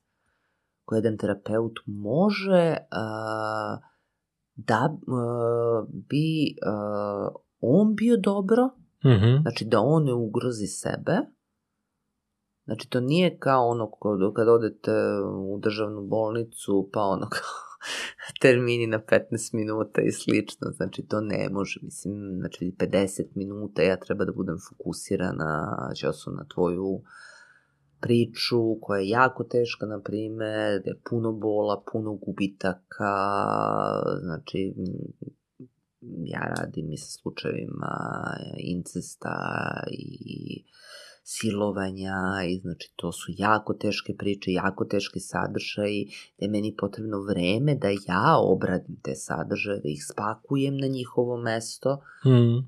i to ne može da bude kao na traci. Znači ja mogu da ostanem sa tim klijentom koji je bio na primer u 11 sati ako ja već kad znam, to može da se desi prvi put, na primjer, ali prvi put se to obično ni ne otkriva, to se otkrije tek posle par meseci terapije, se dolazi do tih jako teških tema. Ali uh, ja onda napravim takav raspored da su ti klijenti u stvari negde poslednji u prepodnevnom delu ili poslednji u popodnevnom delu. Znači da ja posle toga imam vremena da se resetujem. Znači da ja ponegujem sebe. Znači mm. Znači to je negde uh, ono što je osnovno je briga uh, eh, psihoterapeuta o sebi. Jer uh, i mi imamo svoj limit. I mi smo ljudi. Neke od mnogo važnih tema si pokrenula i ajde da, da krenemo od te prve koja meni bila povod da te zovem, to je tekst o gaslightingu, bila beležan kao mhm. glavna reč 2022. godine. A šta je ono što nije ušlo u tekst? ja se više ne sjećam što je ušlo u tekst, Aha. moram priznati, ove, ali dosta stvari nije ušlo ove, u tom smislu.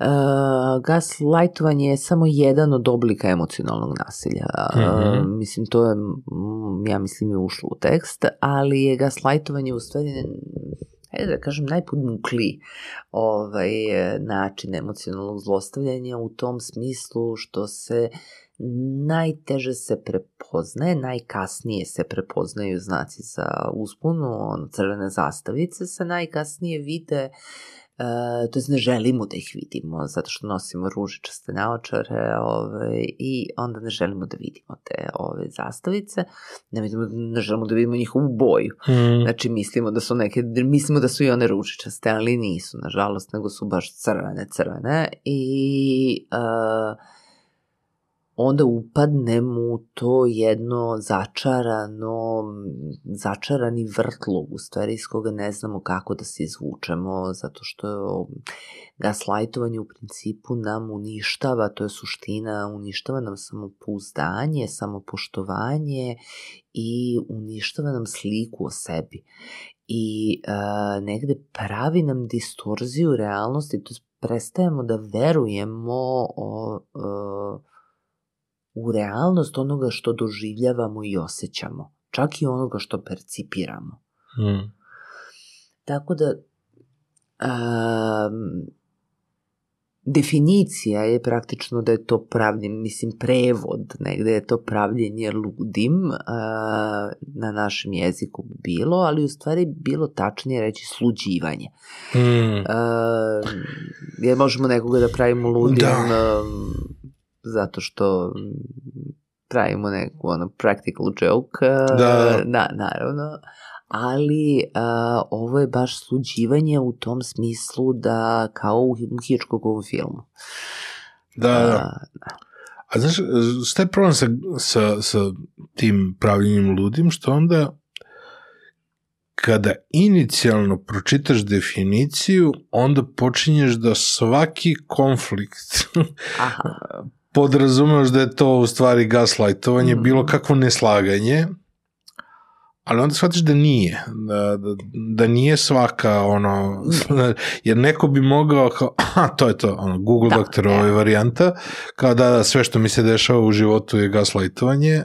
Uh, Pravim spisak i da, onda samo čekiram, da, aha, i to se i onda desilo, sve i ovo podvema. se da. desilo, i ovo se desilo, mislim. Kako tačno prepoznati šta jeste, šta nije? Odnosno, da, prvo postoji obrazac. Mhm. Uh -huh postoji obrazac ponašanja, znači to nije ponašanje koje se dogodi jednom, pa onda se ne dogodi nikada ili se dogodi sledeći put za tri godine ili za šest meseci ili za godinu dana, nešto slično. To je obrazac koji se ponavlja svakodnevno, koji se ponavlja ne u sličnim situacijama, nego u svim situacijama. Mm -hmm. Znači, to je... E, to je prosto obrazac e, kako se neko ponaša prema nama. Dobro. A, I to ne, ne počinje odjednom. To počinje vrlo subtilno. Znači, Dobro. počinje od kontrole, na primer,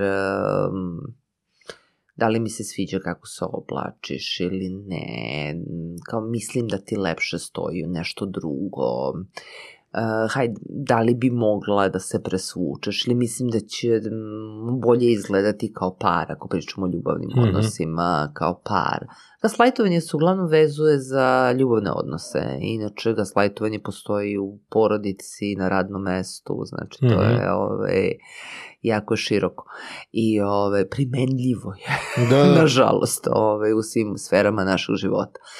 I e, to tako počinje onako blago kao z... i mi mislimo da je to za naše dobro. Mm. Mi to tumačimo da je za naše dobro, da, e, pa dobro, da, naravno da želimo da izgledamo lepo kao par, pa onda naravno da ću ja da se presvučem ili će moj partner da se presvuče zato što sam ja to htela i on će misliti da je to Ovaj, zato što kao tako ćemo izgledati ono, kao bolje na Instagramu kad mm. se budemo fotografisali. Pa Instagramični. Instagramični. Imaćemo više lajkova.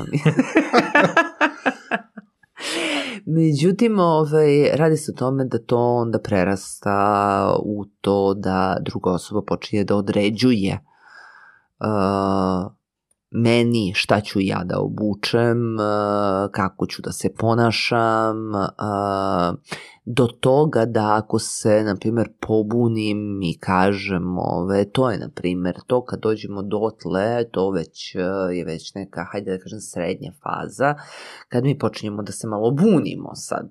Uh-huh. Znači, ovo je sve još uvijek pod verlom zaljubljenosti i tako, tako da to sve te neke naše modifikacije ponašanja uh, mogu negdje da se tumače poprilično normalnim, kao hajde pa malo Ima ću stara se... definicija veze, da kao muškarac i žena ulaze u vezu, žena sa idejom da će promeniti muškarca i muškarac sa idejom da se žena nikad neće promeniti.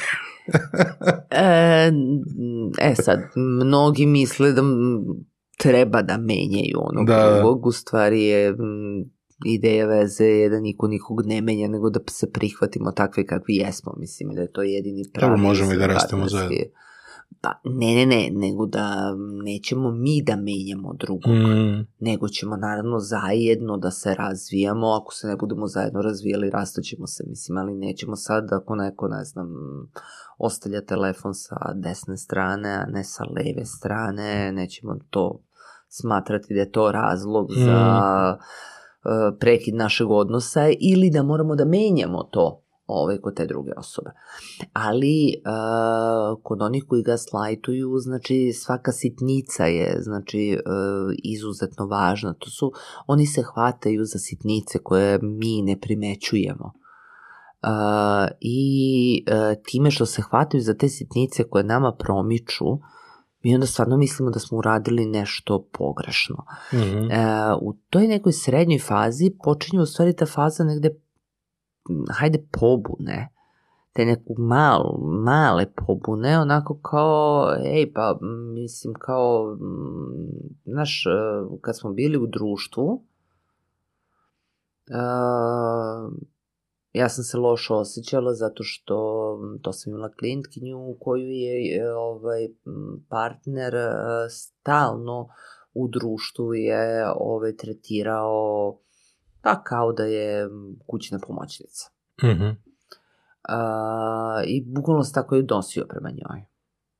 Ovo, ovaj, idi donesi, znači onako kao da ona nije deo uh, tog društva i druženja, čak i kad su u gostima idi pomozi ti u kuhinji. Mislim, onako je bukvalno naređivao. I, ove, I ona mu je rekla kao, jednom prilikom, mu je rekla kao, izvini, ja se ne osjećam dobro. Ove, kada ti to radiš, mislim, čini mi se da me ne poštuješ, onda mi ni naši prijatelji, čini mi se da me ni oni više ne poštuju, ni moji prijatelji, ni tvoji prijatelji, mislim, nešto tu ne funkcioniše, mislim, očigledno, ne osjećam se dobro, na što je odgovor njenog partnera bio kao, kad sam ja to uradio? Ne, to sušte, ja tebi to rekao. Molim te, kao pa da, pa ti si potpuno si poludam. Mislim, to, to nikad ne bih rekao. Kao, na taj način da sam ti se obratio. Pa kad sam sad tebi obratio na taj način? Znači, potpuno onako ova sludi, jednostavno kao, čekaj, to se stvarno dogodilo, znači to je to iskrivljavanje realnosti, znači to je ubeđivanje da se nešto nije dogodilo ili da mi prosto ono što mi vidimo da haluciniramo, znači nešto nije u redu sa nama. Hmm. Ali, a, a, gaslightovanje u, u toj svojoj ekstremnoj formi, svi mi ne postoji ni jedna osoba, mislim, koja će reći da nikada ni, ništa nije uradila sa, iz čitavog dijapazona gaslightovanja. To je glavna stvar, znači ja stalno preispitujem neke svoje e, stvari. Ne, znaš, svi ona, smo to uradili znaš, onda, nekada. Dobro je da znaš šta je i da onda prepoznaš kod sebe neku ono ranu manifestaciju Jeste, i da kao, ok, ali jebi ga izvini. Ne radi se o tim ranim manifestacijama jer to mm. neće ići dalje. Jer uh, gaslightovanje kao način podčinjavanje i način kontrole se uglavnom javlja kod graničnih poremećaja ličnosti, narcisoidnih i nacističkih poremećaja ličnosti ili bipolarnih poremećaja ličnosti. Znači, to je nešto što je glavni ono modus operandi ove, njihov u vezama. Znači, narcisoidne ličnosti su jako sklone tome e, zato što oni ne mogu da prihvate kritiku, ne mogu da prihvate ovaj, drugačije mišljenje, znači svi moraju da se slažu sa njima i onda svog partnera ili partnerku Ja tu uopšte ne raz... znači ovde nema razlike u mm. polu, znači koliko ga gaslajtuju muškarci, toliko ga gaslajtuju žene. Mislim ovde postoji taj mit kada govorimo o zlostavljanju, ovaj, o nasilju, mm. često se govori isključivo o nasilju nad ženama. Niko ne govori o nasilju nad muškarcima. Mislim, ja mislim da i to tema postoji, uh, samo što je ono toliko sada skriveno, jer uh, je skriveno zbog osjećanja stida, ne toliko straha kao kod žena, već više stida i sramote koju kod mm, muškaraca, da. zato što prosto mi smo na brdovitom Balkanu, bože moj. Da, muškarce jedan... blam da to prijavi, a ženu je strah da to prijavi. To je razlika. To je velika razlika, da. Ali opet rezultat je isti. Nijedno ni drugo se ne prijavlja. Da, i procentualno je sigurno, ja mogu da, da, je sigurno veći procenat ovaj, nasilja nad ženama u odnosu nasilja nad muškaracom, da. jer nasilnik je uvek snažniji, a nekako je procentualno i Jeste. muškarac Ali, snažniji. E, Ali nekada se govori, ne mora da bude fizička snaga ovo što u pitanju, nego je u pitanju negde um, psihološki rat koji se vodi ove, u, u, u, u jednom odnosu mm. i ove, jedna strana je uvek dominantnija.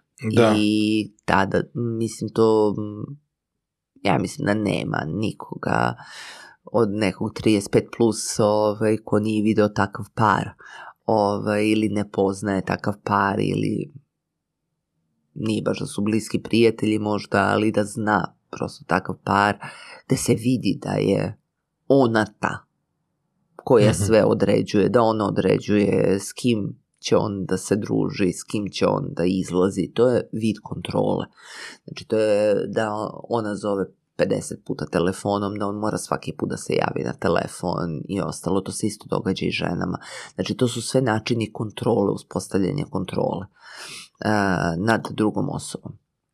Ali potiču od neke nesigurnosti sa svoje strane ili... Pa može da bude nesigurnost, ali ono što sam rekla, ovaj, postoje to, to najčešći tip ličnosti koji mm. to rade, su narcis, narcisoidne osobe, znači koje kojima je potrebno stalna pažnja i stalno divljenje i oni ne mogu da dele to sa drugima i onda u tom smislu, znači oni su nepogrešivi. E, znači ako oni nešto urade, oni će vas ubeđivati da oni prosto nemoguće da su oni pogrešili.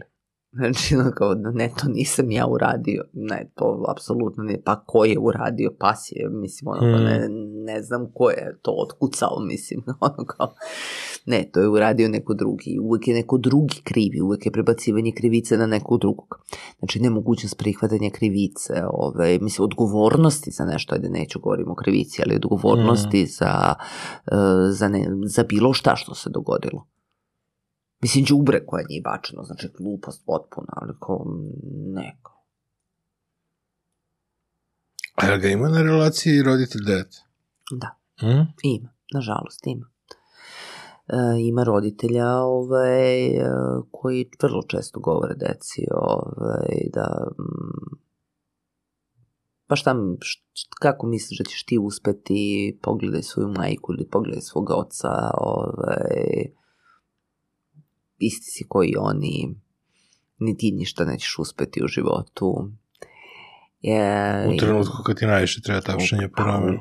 Upravo u trenutku kad je potreba ono, onaj puš, mm. da, kada dete traži podršku za neku aktivnost. Naprimjer, kada dete pokaže interesovanje za neku aktivnost, ti, ti, ti imaš dve leve noge, ti ćeš da ideš na sport bila dvojčica ili dečak, potpuno nebitno. Govorila to majka, otac, baba, deda, znači potpuno je nebitno. Znači to je, to, to je ono što sam rekla, postoji ga slajtovanje u porodici. Ali to je ono light, ona, ona verzija kada ti nešto izleti i kada nije baš ne možeš da budeš baš... Pa mislim da mu to e, može to, to da sad, da se... Sad, e, e, e zavisi može... šta je gaslightovanje, a šta je ono e, rani neki simptom ili prosto modus operandi je ono nekog... Pazi, ako je modus operandi, onda je već ozbiljna stvar zato što se to ponavlja. Ako je to rečeno jednom, ali i jednom... Ali ja sam jednom, plašen da kod ljudi samo stvar sprdanja i onda jednostavno znaš, ono, ne mogu da Pa e, ja... Ima, ima trenuci kada da. Okay. pokušavam da, da, da, da pronađem, ali recimo u našem odrastanju sam puno video tog nekog sprdanja odraslih sa mlađima sa blagim podcenjivanjem. Da. I ne mogu da ga nazovem gaslighting, zato što nije sistematično.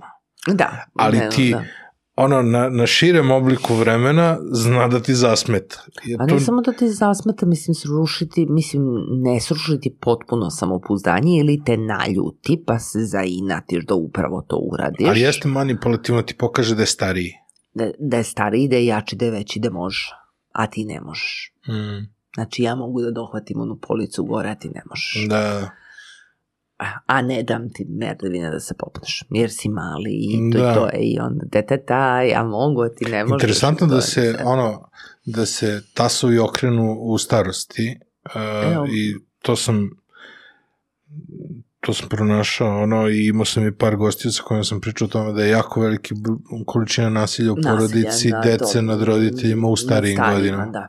Naravno što sad, to je još uvek ljudi koji žive s roditeljima i ono... I to je tema isto koja, u kojoj se malo govori u medijima.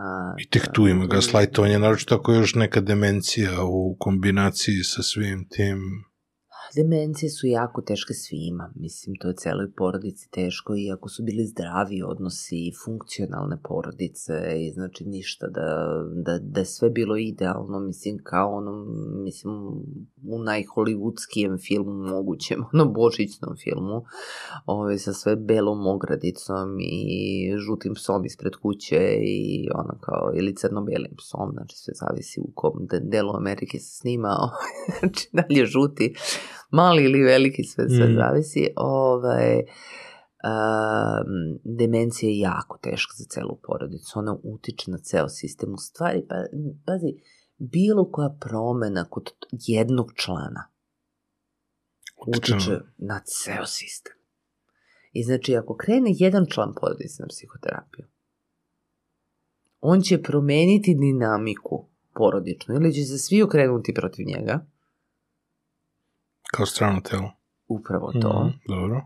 Zato što počinje da se bori da se izvuče iz tog u stvari odnosa gde se potpuno uništava njegova individualnost, njegova autentičnost, njegova, znači, onako, posebnost e, u svakom smislu, gde mu je samopouzdanje narušeno na sve moguće načine i kao, na primjer, i po po pitanju fizičkog izgleda i po pitanju intelekta. Mislim, to su porodice koje to sistematski rada svoje deci. Ili jednom detetu. Znači da jedno dete bude to sa da li je najstarije, da li je najnemirnije dete ili neko dete prosto zapadne mu da, nažalost da po znacima navoda ove uloga da bude ovaj, žrtva cele porodice i onda mislim cele porodice. A onda naravno i braći i sestre se preključuju tome jer da se njima ne bi desilo. Kako se prevodi bandwagon kod nas? Upravo to. Mm. Pa mislim prosto onako... Mm, deo mase. Deo mase. Mm. Tako da uh, sam fenomen uh, je um, postaje toksičan fenomen gaslightinga postaje toksičan uh, u onom trenutku kada je to uh, konstantan obrazac ponašanja prema drugoj osobi. Mm -hmm. Znači kada to nije jednokratna reakcija na nešto. Kada ono kažem šta uh, ja je trebalo bacim đubro. Nisam, nemam nam pojma. Naravno, da znam da je trebalo, nego sam zaboravila da bacim đubre, ali pravim se da da se provučem da je trebalo da ja bacim đubre. Kao nije to bilo rečeno direktno meni, nije bilo meni upućeno, nego kome. Kao dvoje nas je, mislim, ili dve nas je, mm. mislim, potpuno sve jedno, ovaj, ali eh, gde mm, nije imao ko će baciti. Gustan mačak će da baci da. đubre. Da. Mislim, ili ja da kažem, kao vidi đubre nije bačeno. Mačak, zašto nisi bacio đubre? Zamisli. Zamisli, kao, kako je to način. Uh, ali ako to ovaj, uh, je um, obrazac koji se ponavlja iz situacije u situaciju, iz dana u dan, ako nas uh, stepen, ono što je važno, to je, to je manipulacija, znači da, da budemo sasvim jasni, to je manipulacija a, na, putem koje se uspostavlja kontrola nad drugom osobom. A, Ta kontrola se odnosi na socijalni život te osobe, na porodične odnose te osobe, na posao te osobe, na njen fizički izgled, na uh, njen govor, na uh, njeno oblačenje, na izražavanje, na apsolutno na sve, a na to uh, koje filmove će da gleda, s kim će da komunicira telefonom, Znači, apsolutno svi aspekti života se kontrolišu. Postoje marionet. Upravo to. E, to je, uh, znači, to je krajnji cilj. Mm. E sad, to može da bude uvod u fizičko nasilje. Dobro. Jer uh, u jednom trenutku osoba može da se probudi, događa se, obično uz pomoć nekog vrlo uporne bliske osobe, vrlo upornog nekog bliskog koji je ostao tu uh, i vidi šta se događa i pokušava dugo vremena da izvuče tu osobu iz tog odnosa. Mm -hmm. Ne uspeva, naravno, biva odbijan ili odbijana svejedno, znači stalno nalazi na zatvorena vrata, ali i dalje kuca, ali pokušava da otvori i u jednom trenutku očkri na ta vrata u nekom trenutku posle neke velike krize i osoba krene da se povlači, da se izvlači iz odnosa. E, tu dolazi do gubitka kontrola. E, tada može da preraste u fizičko nasilje, znači ako je osoba sklona fizičkom nasilju, e, zato što sada gubi kontrolu, mm -hmm i kad gubi kontrolu, kako ću sada da povratim kontrolu, sledeći stepen je, znači sad ajde, mislim, fizički ću da te primoram da ostaneš kod kuće. Fizički ću da sprečim da odeš da vidiš svoje roditelje.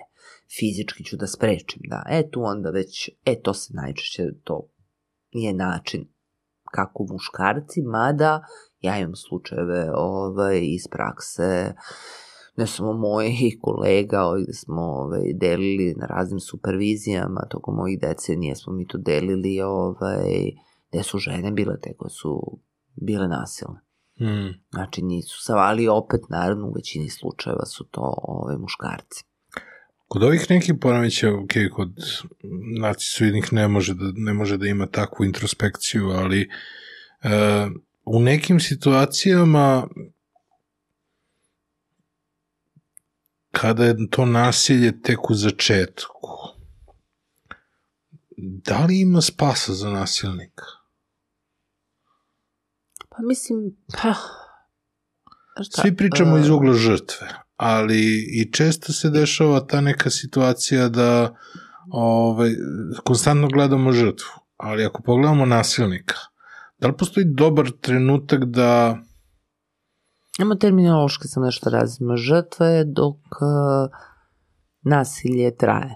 Molim? Žrtva je dok nasilje traje. Dobro. U trenutku kada izađe iz nasilnog odnosa više nije žrtva nego preživeo ili preživela. Da, da. Znači to je terminološki jako bitno i jako značajno za oporavak. Da, ali znači, hoću da kažem, a, ako se nasilje da. u začetku mm. da se desila jedna ili dve manifestacije Može, naravno, psihičkog da, da, da, ili fizičkog nasilnik to primeti kod sebe i želi da potraži stručnu pomoć, da li ima pomoći? Ima, ima, kako da ne. Postoje, Jer mi deluje da. da u nekim situacijama se uh, E tu najčešće uz veliko poštovanje, evo, tu, tu mogu, znači, da, da, da. uz veliko poštovanje, mm. da, treba odmah zaštititi žrtvu, ali se često dešava situacija da se odmah te stvari razdvajaju i kao tu nema pomoći?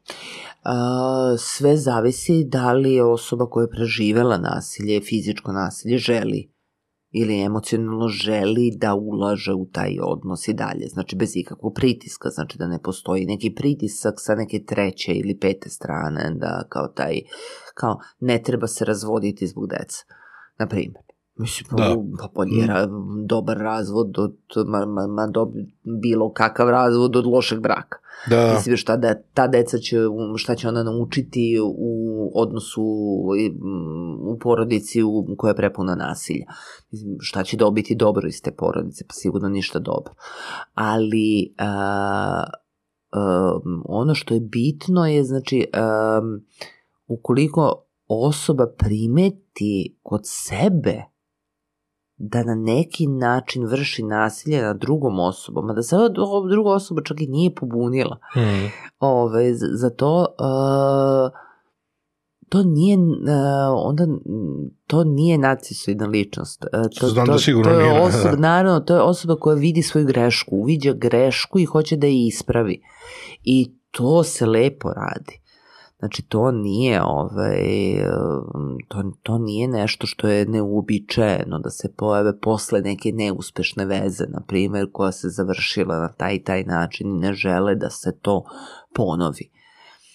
Mislim, e, slično je, na primer sa prevarama u vezama, dugim vezama mm. i tako i onda se raspadne veza upravo zbog tih prevara koji radi jedna ili druga strana i onda dolazi na terapiju praktično u periodu između neke dve veze, da radi na tome, u stvari, jer ne želi želi da spreči sebe nekako da, aha, da ponovi to isto u sledećoj vezi, želi stabilnu vezu i želi porodicu i sve ostalo što sa takvim načinom života uh, bilo da je u pitanju muško ili žensko, ne razdvajam uopšte.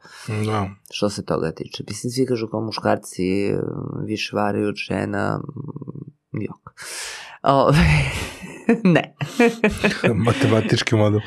da, mislim, procentualno je negde vrlo slično. Hoćemo na depresiju. Mm? Hoćemo na depresiju. Ajmo malo veselije Od prevara do depresije, da, da veselije Ajmo tema. malo veselije teme, evo recimo depresija. Da, prošli su praznici. Ove, ovaj, ra, to mi je bilo super što si pričala o razlici između depresije i melanholije, kako ljudi ne razlikuju.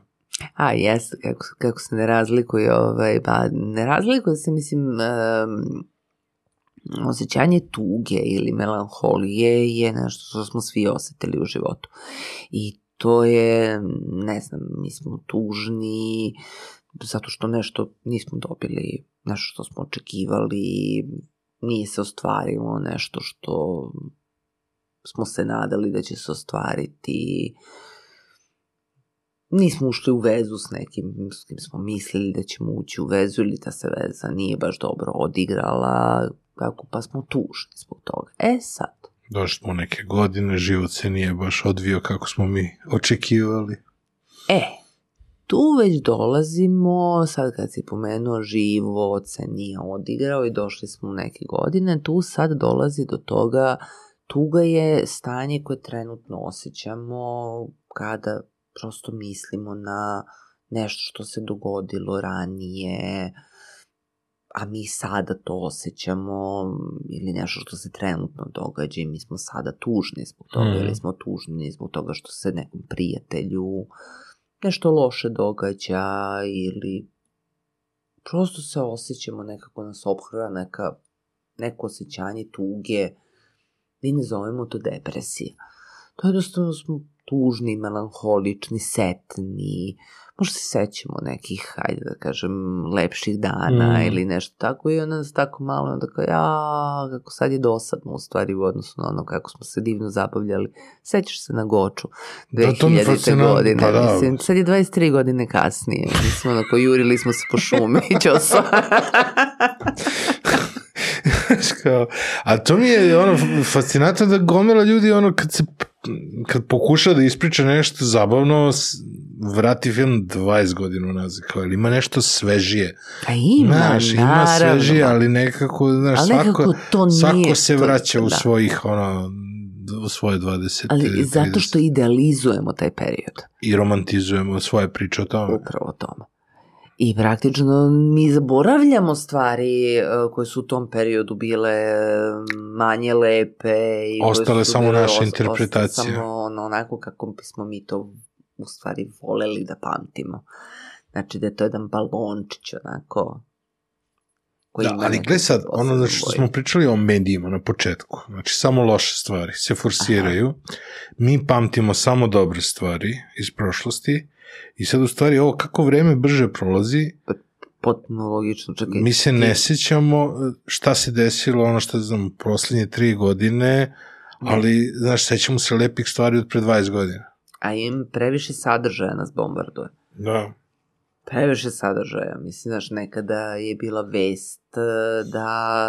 Uh, da se objavi vest, ne znam, da su učenici matematičke gimnazije osvojili neke medalje ili nešto, pa se to onda stvarno objavi u medijima, ali tad nije bilo društveni mreža nego to je bila vest i u dnevniku, ne znam, ono kao nekada davno, u davnim nekim godinama, to je kako bila vest.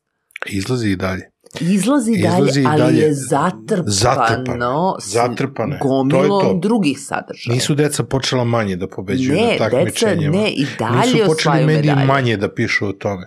Naravno da ne. Samo Evo, je ja zatrpano. Sam sad, ne znam, videla neku 14-godišnjakinju slučajno, koja je postala prvakinja Srbije i ušla u olimpijski tim iz mačevanja slučajno u jutarnjem mm. programu nešto u 7 ujutru pre treninga sam videla potpuno onako upalila televizor, ajde nešto da me razbudi malo da ne odem potpuno uspavana na trening.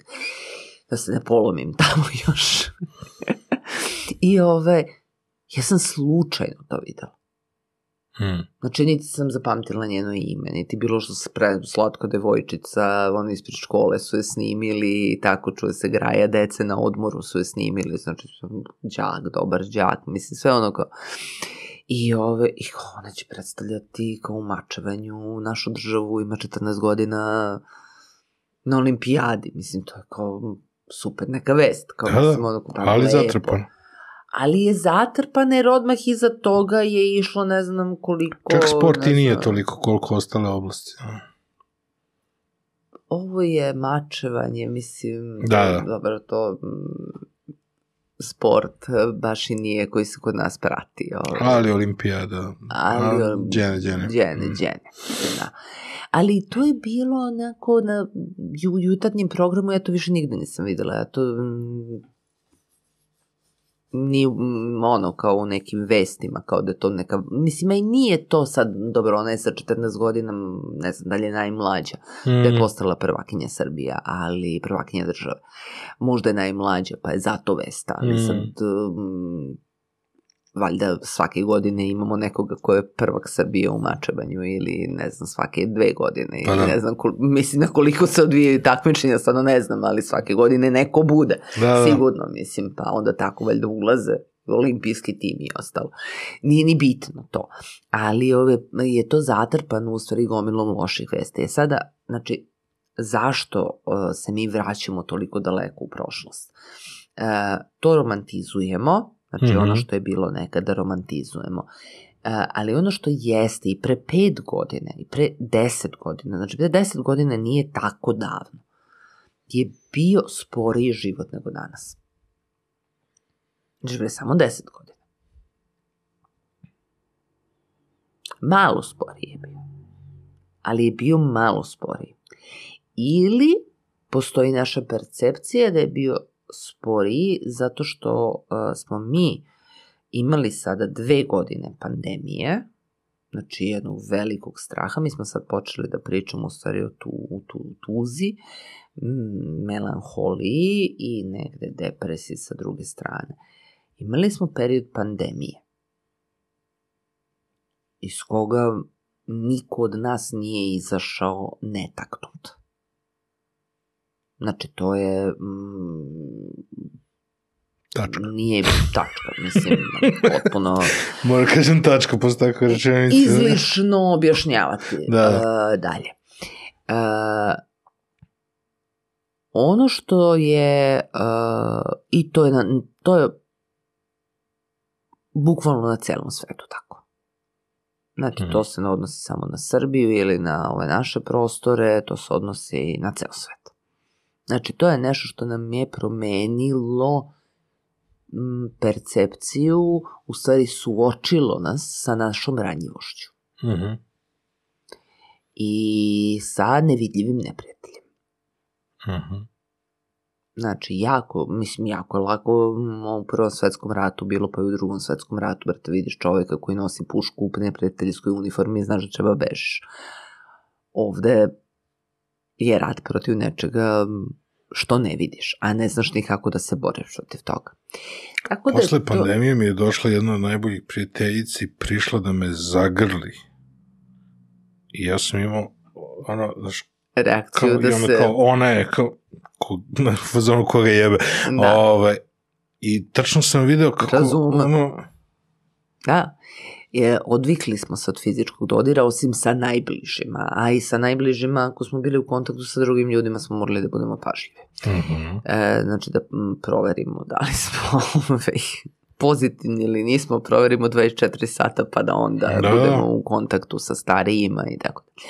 Tako da to jeste ovaj, bio jedan period koji je ostavio posledice i sada... Uh, javila se socijalna anksioznost, ali opet to nije, ajde to će ostaviti za kasnije malo, ovaj, e, kada prepoznajemo depresiju? Depresija je e, jedno specifično osjećanje, mi kažemo često, kažemo ja baš sam e, imam izraz u depri sam e, ili kažemo ne, a, baš sam nešto depresivan danas. Ne, depresiv ne možemo da budemo danas. Ili bio sam depresivan juče. Depresija je mm, trajnije stanje. Depresija mm. je e, stanje, bukvalno stanje, znači to nije osjećanje. Treće stanje.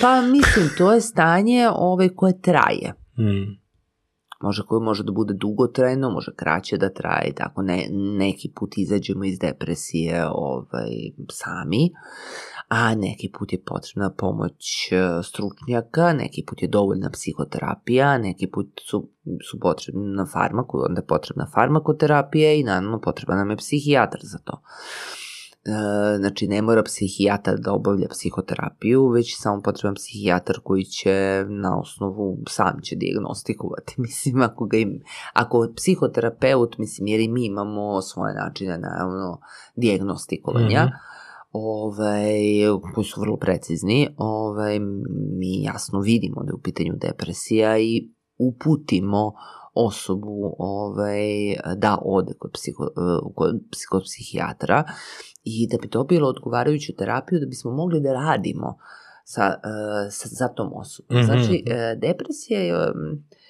osjećanje jedne trajne, e, ajde da kažem jedne trajne težine, jedne trajne tuge, kao jedno onako tamno, crno, crna mirna površina neke vode koja se ne pomera. Znači to je uh, ili kao da gledamo u neki bezdan potpuno mračan gde, ili kroz neki tunel uh, gde ne naziremo uh, e, nikakve nikakvo svetlo nigde, niti znamo gde počinje, niti gde se završava. Znači, gde samo nekako ispred nas je neka praznina, ali je praznina i oko nas. Mm -hmm. Znači, to je jedno osjećanje koje prosto se, kao da nas obuhvata cela. Proguta nas to osjećanje. To su teški oblici depresije. Znači, to su depresije koje čak vode, koje vode ka suicidu. Znači, postoje depresije koje su toliko jake. Ono što možda ne znaš, ne znam da li znaš, i danas se koriste elektrošokovi. Ali se koriste isključivo u slučajevima tih teških oblika, uglavnom organskih depresija, depresije mogu biti organske i neorganske, ovaj, um, neorganskima se ne znam uzrok, organske, mislim prosto postoje hemijski proces u mozgu koji ne funkcionišu dobro i nikako ne može da se napravi ravnoteža nikakvim kombinacijama lekova i onda mm. se pribegava elektrošokovima koji se daju u tačno određenim intervalima, u tačno određenim dozama jer oni imaju svoje dejstvo koje je ograničeno vremenski. Mm -hmm. I to su te teške depresije koje jednostavno um, osobe uh, izvršavaju suicid e, zato što ne mogu da podnesu više bol u kojoj žive, to je to, taj besmisao u stvari u kome su se našla. Taj besmisao gde, gde ne vide znači nikakvo svetlo nigde. Mm. Da. A često se govori za neke različite zavisnosti, za neke razne kompulsivne poremećaje, da su načini nošenja tih ljudi sa depresijom. Kako su te stvari povezane? E, uvek se prvo zapit, psihijatri se uvek prvo zapitaju, znači kada mi se neko pojavi sa bolešću zavisnosti, uvek to prati. Kad se dođe do lečenja, uvek je to praćeno depresijome, onda se zapita u stvari šta je bilo prvo kokoška ili jaje. Mm -hmm. Znači, da li je osoba bila depresivna, pa je onda krenula da um, pije alkohol e, ili da koristi narkotike ili su narkotici izazvali depresiju i alkohol izazvao. Alkohol u principu... Ovaj, ili je bila raskrsnica. Ili je bila raskrsnica ili gde da. u nekom trenutku životnom koji je bio težak pretegnula ovaj, ta bolest zavisnosti. E, tako da e, postoje različiti pristupi psihijatara kako prilaze tome, znači ili da odmah daju antidepresive ili da sačekaju da se osoba da se očisti, znači mm. da dođe do detoksa organizma kompletnog e, i da ove ovaj, se onda vidi u stvari kako će se osoba ovaj, osećati e, nakon toga. Mhm. I e, to su različiti pristupi i zavisi od toga od procene, u stvari negde i intelektualnih kapaciteta i ranijeg funkcionisanja osobe, znači poznavanja porodične istorije, poznavanja lične istorije, znači ako osoba bila visoko funkcionalna, ako je bila, na primjer, veoma ekstrovertna i tako dalje, onda negde uh, se vaga da li odmah upotrebiti antidepresive ili prvo ovaj, pokušati, znači, mm, ajde samo idemo sa vitaminima, mine, ono, mineralima i ostalo, jer uglavnom kad se stigne na lečenje od mm. bolesti, mm. zavisnosti, niko ne pita ove ovaj, šta su te šarne tablete koje pijem. Da. Da, ja nikada, na primjer, nisam dobila ni jedan ovaj, psihijatrijski lek, ovaj, nikada nisam imala psihijatrijsku terapiju, iako sam se lečila od alkoholizma. Eto. Ali, ovaj, i naravno pridružena depresija. Prva mi je bila, znači, dijagnoza alkoholizam sa depresijom, a kad sam izračila je bio samo alkoholizam. A depresiju u stvari nikada nisam ni imala. Ona je bila izazvana upotrebom alkohola. Aha, aha, aha. E, A nije bilo se radi. coping mehanizam? A, mm, pa, znaš šta, mm, mislim, alkohol uh, uvek uh, znači pre nego što pre, pređe u bolest, znači mm, zloupotreba alkohola, počinje u stvari kada alkohol dobije funkciju neku u našem životu. Dobro. Znači, kada alkohol postane kao, to stalno koristim, kao metaforu, kao štaka nekome ko je polomio nogu. I sad noga zarasta, mi dalje nastavimo da koristimo štaku. E, I ta štaka da više nije potrebna, ali mi je dalje koristimo, jer mi je tako metafor. lakše. Da. E sad, ovaj, um, i ta štaka kako vreme prolazi, nama mišići atrofiraju i mi u stvari više ne možemo ni da stanemo na tu nogu, niti možemo normalno da hodamo bez te štake, tada nastupa bolest. E, to su u stvari te dve faze, pretoksikomanska i toksikomanska faza alkoholizma, gde se dolazi na lečenje. Uh, i u pretoksikomanskoj fazi uh, je prisutna psihička zavisnost i e, to je u stvari i naravno povećana tolerancija i sad ima tu još mhm. raznih, mm ali glavno je psihička zavisnost od alkohola. Znači čovjek može bez znači tih fizičkih simptoma da prekine da pije, ali e, kada prekine da pije u downu je. Mm. E, nije mu zabavno u društvu on se ne osjeća da je zabavan ili ona se ne osjeća da je zabavna u društvu, teško može da zaspi, teško pregura dan, um, ono... Kod da si zakačen sa nekim federima koji te vuku nazad, ono. upravo to, upravo to. Znači, to je, vrlo često se uh, i počinje da se koristi, tako mladi počinju da koriste, vrlo mladi počinju da koriste ovaj, alkohol uh, i devojke i momci, uh, dečaci i devojčici, nažalost, ove, e, zato što je on odličan anksiolitik. Anksiolitik. Jeste, on e, da, Skupio znači, ono nema... Što znači, ali znači, nisam e, koristio e, reč nikada. Da, anksiolitik, anksiolitici to je grupa lekova e, za smirenje, znači to su bensedini, benzodiazepini, znači to je sve ono... Blesantini. E, upravo to, šarne pilule za lilule. E, uglavnom, um, oni su super socijalna anksiosnost. Aha, aha, aha. Znači, to, pa ono, jedno, dva pića i ja sam car podijuma, ja sam kraljica, ono, modne piste, mislim. E, ali ono... svi kažu to jedno, dva pića. E, samo što jedno, dva pića tokom vremena nije dovoljno, nego bude tri pića, nego bude četiri, pa pet, šest, pa sedam, osam, pa ili e, bude samo vikendom, pa onda više nije vikendom, nego je 3-4 puta nedeljno kako godine prolaze, pa onda svakog dana, pa onda i u podne, pa onda nije samo, pa onda veći deo dana. Pa je u početku samo u društvu. U početku samo u društvu, a posle nije više uopšte u društvu.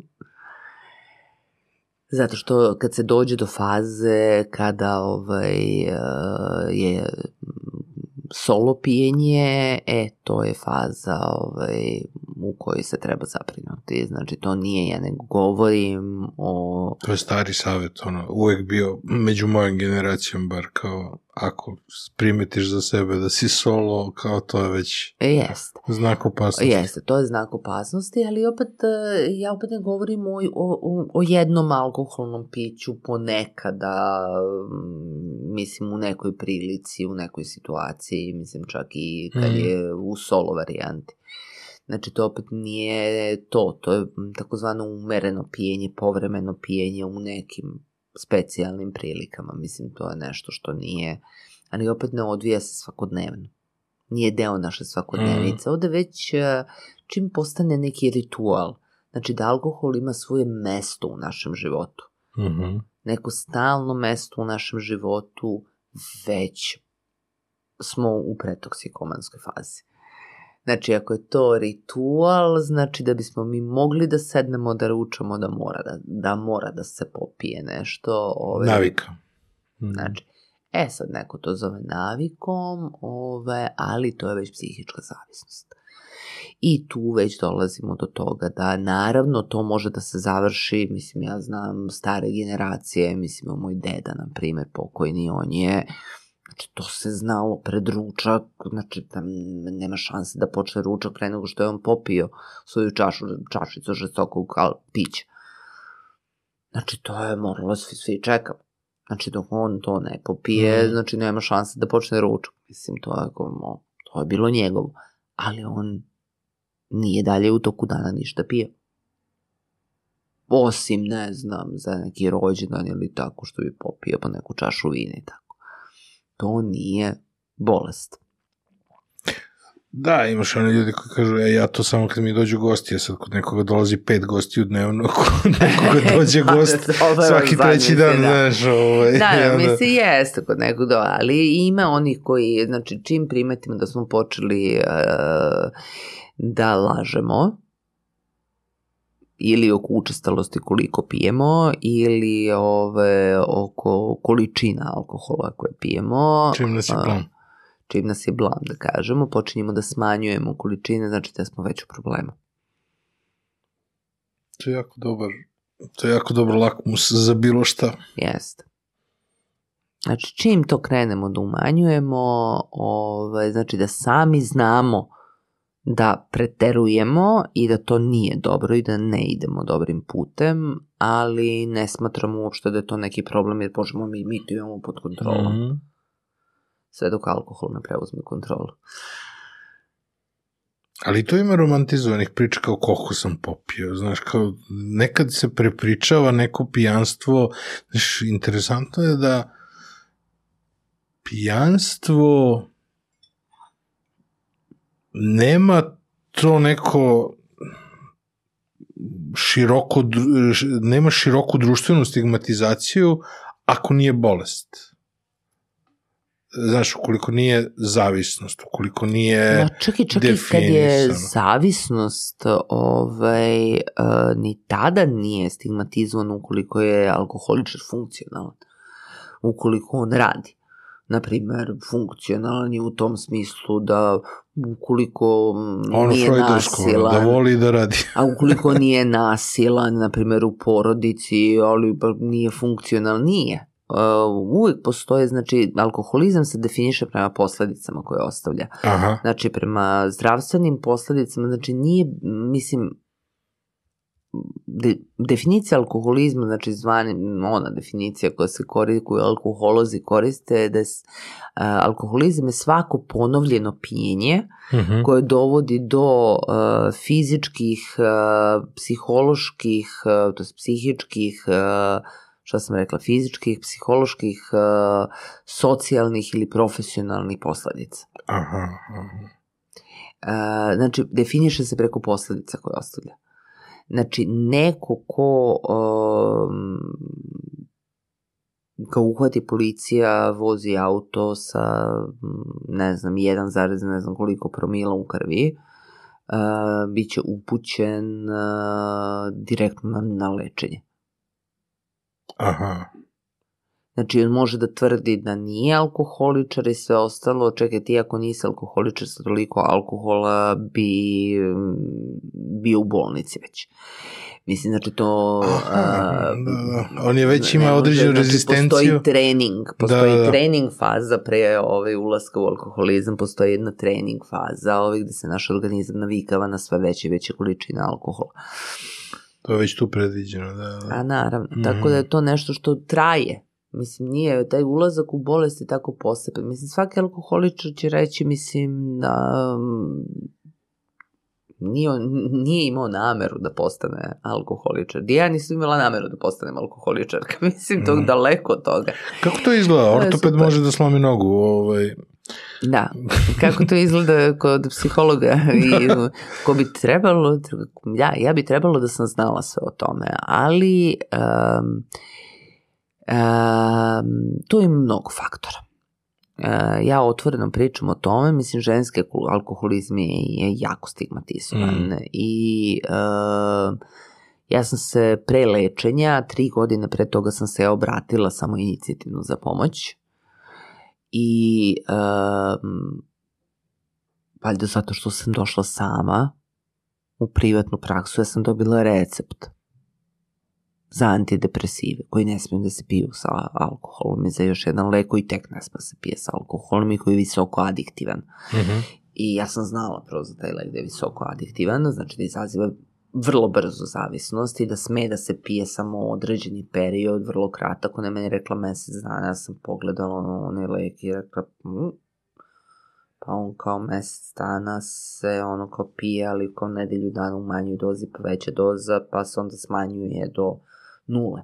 Mm. Mislim, prosto ne, ne pije se na duge staze, mislim, i ono kao, dobro, kao, mislim, sam plakala tamo, znači, kompletno, ja sam se otvorila i ono, kao, mm. rekla šta mi je problem, rekla, pa vi ćete sami da ostavite. Žena psihijatar. Znači, nikad više nisam otišla naravno kod nje. Niti ona eh, se potrudila uopšte, ako sam imala recept, dosta dugo sam ga, možda li sad negdje imam u kući ovaj recept uh,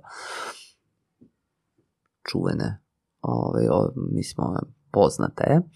Ove, Toga, kao što no, ni, ni klijenti ne, ne ostaju kod prvog, šta ćeš radila da? Uh, e, ne, ja sam bila toliko, meni je to bilo ono kao, uh, ja pa tog više nisam mož, m, snage da kod bilo koga odem, rekla sam ono kao otprilike, pa to je to. Uh mhm. -huh. I onda su prošle još godinu dana, onda je došla smrt moje majke i uh, u stvari prvo došla bolest moje majke i da ja sam tu prekinula da pijem. Znači ja sam tu mogla da prekinem da pijem, mm-hmm. ali sam to zamenila lekovima za smirenje. Znači ne, ja nisam pila celog dana, ja sam bila solo drinker, večernji drinker, mislim i to je bilo ono ko moje večernje nema nikoga oko mene, osamila sam se i to je bilo to. I tako je bilo i poslije smrti, znači to u toku dana ne, ništa, ja funkcionišem i sve ostalo. E, onda je došlo u jednom trenutku, ove sam samo došla je crna rupa, to je stupala sam u tu crnu rupu, to je skrenula je depresija, nesanica, sve ono što prati depresiju i ove, direktno izazvanu alkoholom i primetili su na fakultetu da se nešto događa sa mnom, ali nisu znali šta je u pitanju. I onda je bila jedna ucena ovaj, da moram da idem. Tada sam predavala na fakultetu da moram da idem u našu nastavnu bazu na Institut za mentalno zdravlje, jer nisam dobro. Mm -hmm. Znači, studenti su primetili da nisam dobro, da sam se promenila, mislim, nisam dobro jednostavno. I niko nije bio siguran šta je. To je ta posledica koju kažeš da je, da, da je važna. Da. To je bila posledica jer ja sam postala nefunkcionalna. Ja više nisam mogla da obavljam svoj posao kako mm. je trebalo. A do tada sam mogla. Znači sve do tada sam mogla. Sad zdravstvene posledice koje sam sebi izazvala masna jetra i razne druge posledice, znači mm, i visokarni pritisak i ostalo dobro to je sve sređeno i regulisano, sva sreća, pa moj organizam, nekim čudom to su mi rekli da genetika čuda čini u nekim slučajevima da prosto kao da nikada nisam popila ni jedno alkoholno piće, kao da nikada nisam sedela pored pušača, mislim otprilike tako mi je organizam, mm. tako mi je stanje bilo pre pet godina, sad ne znam kako je, ovaj, tačno, ali ne verujem da bi mi Miko radio magnetnu rezonancu celog tela, to tek tako, bez razloga. Ove, a baš da plaćam to, ove, mi, nemam nikakve tegobe, tako da smatram da ovaj, po, fizički sam aktivna i onda smatram da, kao ajde, valjda to znači i da sam ok, kao idem na neke rutinske preglede i ostalo. Ali znaš, ja sam praktično ležala u krevetu, to se tako ponavljalo iz noći u noć i e, prolazi cela noć i ja ne mogu da zaspim. Znači, bez obzira koliko sam alkohola popila, znači ne postoji način uopšte da zaspim i razmišljam o tome šta posle ovoga. Jer ja ne vidim ništa. Znači, nikakvu budućnost ništa, znači potpuno crnilo, znači nema ništa svetlo, nema nigde nikakve radosti, nikakvog smeha, ništa apsolutno. Znači samo praznina jedna, kao neki vakum, ono što sam rekla, mm. sa depresijom. E, to je ta depresija koja, ovaj, koju izaziva alkohol. Mislim, depresija, koji svaka druga depresija, mislim, to je potpuno ovaj, je jednako i osjećanje. I šta se desilo na institutu? Ne, i na institutu uglavnom kako su me sproveli moji sa fakulteta, su me doveli, mm-hmm. znači ono, došli po mene kolima, ja uredno se spakovala, ušla na institut do petan, do petan sa koleginicom, koleginica sa mnom, znači ono ko moram da imam pratnju i ostalo, pošto nemam pravo da imam bilo šta, ni dokumenta kod sebe, ni telefon, ništa, pa će ono to sve da uzme, ni ključeve od stana, ništa, to sve ono uzima. I ona će brinuti o meni, tako takav je dogovor bio na ove sa fakulteta brinu o meni, ja sam živjela sama. Mm -hmm. Šta mi treba, znači da to ono bude dogovor na nedeljnom nivou, mi donose i ono ko posećuju me i sad to sve kao je bilo dogovoreno. Ove ovaj, nije se to baš odvilo baš najbolje kako je trebalo, ali dobro. Ove, ovaj, nije to sad bitno, ove, ovaj, bitno da ja sedim danas ovde, živi strava, naravno. Ove, naravno. I trezna je već sedam godina skoro, ovo će biti sedma, uh, i um, bukvalno kako smo seli ispred psihijatrice, ovaj, načelnice odeljenja, ja sam rekla, ja pijem. Znači, ne moramo ništa da gledamo, ja pijem. znači, meni je samo bilo da potrebno... da Preskočimo... Da, preskočimo mi to sve, mislim šta je u pitanju, da me testiraju dalje depresije ili nije, da pijem. I odmah sam samo rekla, vađenje krvi. Naravno, rezultati krvi katastrofa. Mislim, u krvi sam imala skoro dva promila alkohola. U tom trenutku? U tom trenutku, iako nisam pila od, ne znam koliko, ne znam, od 8-9 uveče. Kao, hajde, neću, sutra me primaju u bolnicu, kao ona, ne znam. I to, i to me pitala doktorka, kao, pa kad ste poslednji put pili? Ja kažem, sinoć. Kaže, kad sinoć? Ja kažem, pa ne znam, 8-9 uveče. Kaže, pa, šta ste pili? I ja joj kažem šta sam pila. Ona kaže zašto ste pili? Pa ja kažem da se ne baci, da nam ostane. ti ona kao u, ček, ček, u redu. Ček, ček, ček, Da. Za, poslednje veče ti znaš da sutra ideš da. na institut da. i ti si u fazonu da se ne baci. Da. Respekt. Pazi, mislim, mislim šta da ne, ne, ali, ali to je da. mozak koji, mhm. to nije, da, znači, da. to nije on, e da, ja nisam, ne, u stvari... to nije zdravo razmišljanje, znači to ne možeš, ti ne možeš da, u, da razmišljaš kao alkoholičar. Ma ne, ja tebi nešto što... E, mogu, mogu zato što ima tu ta varijanta kao od sutra sam na dijeti, ajde večera se najedem. E, ima i toga. Ima i toga. Nadam, dobro, ja nisam to uradila. Ja sam slatkoholičar. O, da. Dobro, ajde, sad, da, da. Mene interesuje da li ono, da li može... Uh,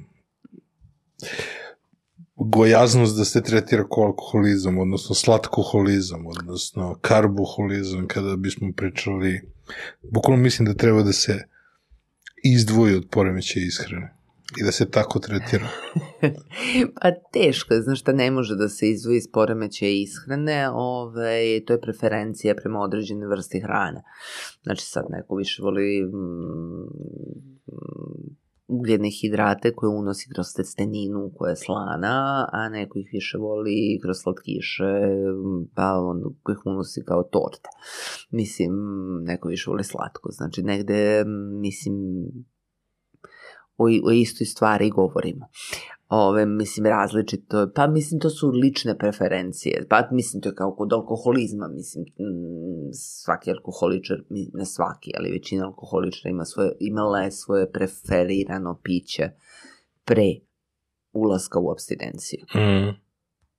I većina alkoholičara danas koji mm. žive oko nas imaju svoje preferirano piće. Ako ga nema, onda će piti bilo šta ako su zavisni od alkohola. Mm-hmm. Ali ako mogu da biraju, u finansijskoj su mogućnosti da biraju, onda će izabrati ono što je prosto njihovo prvo na listi.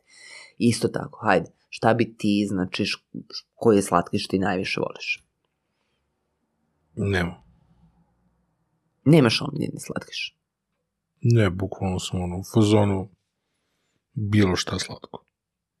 Znači, kocku šećera. Ne baš, Jer, ali e, pa, do, pa, slatkiš, to, da. ono, bilo koji bar, sada mi kažeš da li je bolji Mars ili Snickers ili Bounty, sve mi jedno. Da. Znaš, mislim, najgora odluka svih vremena je bila kad smo probali prošle godine da stavimo deče paketiće ovde u ovu sobu viška, razumeš, i onda večer, razumeš, ono kao može da se radi, a paketići su tu i onda ideš redom, znaš. Pomalo. A, a sutra ćeš da Prva je varijanta da se ne vidi, znaš, kao čega ima. čega ima više. A onda ideš pa dokupljaš. Pa, i ja, da, u početku sam dokupljivao. Onda si prestao da dokupljaš. Da. Kako? Znaš, ovo mi se da deluje kao ona priča ovaj, očeva i majke koji uzimaju novac za drogu ili um, alkohol. E, Bukvalno mislim da slatkoholizam iz, je u tom nivou. Ovaj, a ne kupuju svoje deci kaput, čizme ili nešto što im je potrebno. Dobro, mislim, ovo karikirana verzija, naravno, kod tebe su u pitanju paketići, znači, mislim, ne, ne, ne može da se gleda na isti način, pa to je, naravno. Kad ostaviš tigru da čuva pečenje. Ostavi tigru da čuva mesar. da, može, naravno. Ne bih ostavila tigru, ni, ni mogu, go sam mačka. Plašila bih se za tigra. Znaš. Znaš, jer ima taj, šećer ima taj ciklus ovaj, da te vrati, ono, da, da mnogo brzo želiš još. Jest. Da mnogo e, brzo e, želiš pazi, još. To je uh, postoje dve stvari kod šećera. Znači, e, šećer je super stvar, jako brzo podigne raspoloženje. On, divna hrana utehe. Mm. Znači, e, zašto posežemo, svi posežemo za sladoledom Mi o tome sam bila u jednoj emisiji. Mislim, zašto to radimo? Mislim, šta je to emocionalna glad?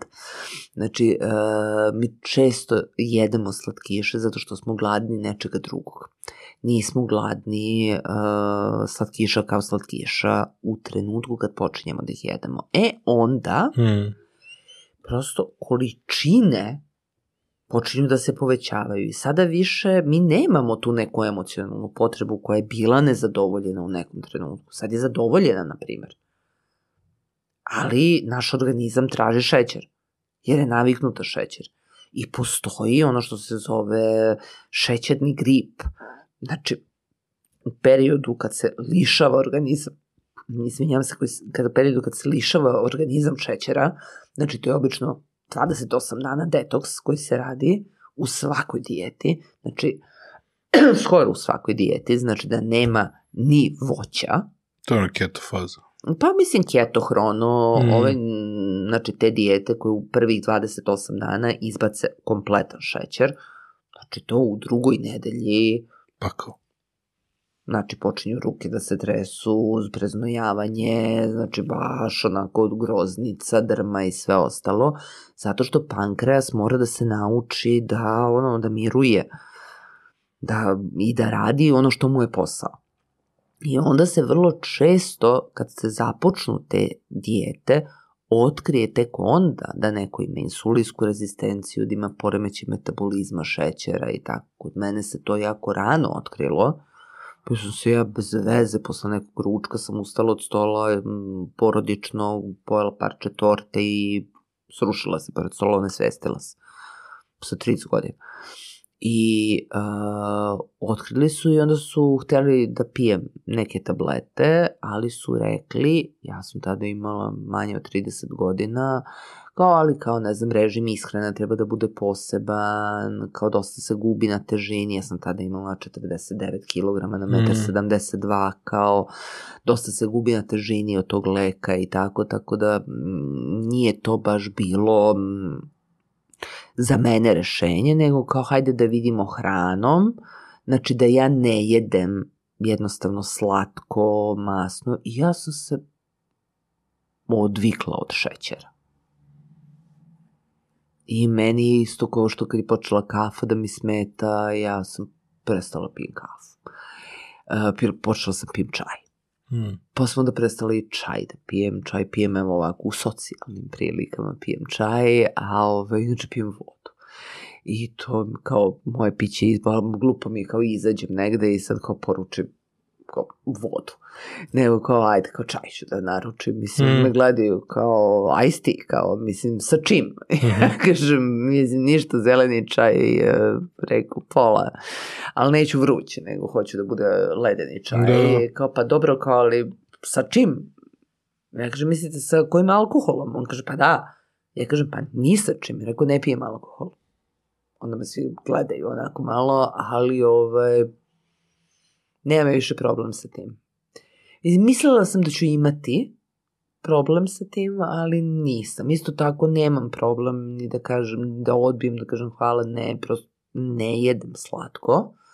Mislim, jedem ja slatko, ali uh, pojedem, na primjer, 20 grama posle treninga, ako, pošto nema na primjer, vremena da jedem odmah posle treninga, nego znam da ću jesti 3-4 sata posle treninga, a treba mi energije, ja pojedem 20 grama crna čokolade sa 85% ono, posto kaka. Znači, to je ono što mi daje energiju i uh, ja nemam osjećanje gladi, pankras nešto radi mm. i ono kao umirenje, jer ja imam poremećaj koji meni šećer ide, naravno skače, kako unosim, pa još unosim šećer, pa on skoči i onda naglo padne. Mm-hmm to nije klasična insulinska rezistencija, već se to leči u principu lekovima blaž, koji su negde za diabetes tipa 2, ali tim nekim najblažim varijantama tih lekova, ali od, problem sa njima je što se od njih e, sa punim dozama tih lekova se gubi na težini. I ja taman nađem jedan lek taman nađemo ovaj, endokrinolog moj i ja nađemo lek e, i naša draga država ovaj, shvati da su počeli mnogi da ga zlupotrebljavaju. Stvarno? Da, ja je trebalo da ga pijem šest meseci, pa da onda pravim pauzu od, tri me, od e, mesec dana, pa da onda uradim ponovo test opterećenja šećerom. A to je onaj da vidimo, a, znam za taj to lek. to je Ozempik, jeste to čuveni. To je lek dia, za diabetičare koji su počeli što hoće na da mršave pa, da ga zloupotrebljavaju. E, lek taj. je, nije samo za diabetičare, mm -hmm. već je za insulinsku rezistenciju takođe i za sve poremeće metabolizma šećera. Aha, čito sam. A naša država je uzela i propisala uslove, znači ja zadovoljavam sve uslove dok ne dođemo do diabetesa tipa 2. Znači, ej, dobro, znači ono, bolesti krvnih sudova, ali ljudi imala sam moždani udar sa 44 godine, šta ćete više? Mislim, ono kao, da, mog IG test e, je u 60. minutu, mi je šećer malte, ne sam bila u komi jer je bio ono, manje od jedan je bio šećer, mislim, ono, bukvalno sam bila ono kao, prešla sam do pola na drugu stranu, mislim, ono, morali mm. su odmah da mi daju, ono, intervenski su mi dali ovaj, ovaj malo insulina i neku malu dozu i tu sam se ja povratila vrlo brzo. Ali ovaj, je ta količina je mene ono, ni drugo vađenje krvi ja nisam ovaj, dočekala, mislim, samo su mi izvadili jednom i pre sledećeg sam ja samo završila u nesvesti, ali o, zbog toga mora da se sedi i da se bude tu, mm. znači gde su oni tu, zato što samo se izvrnem.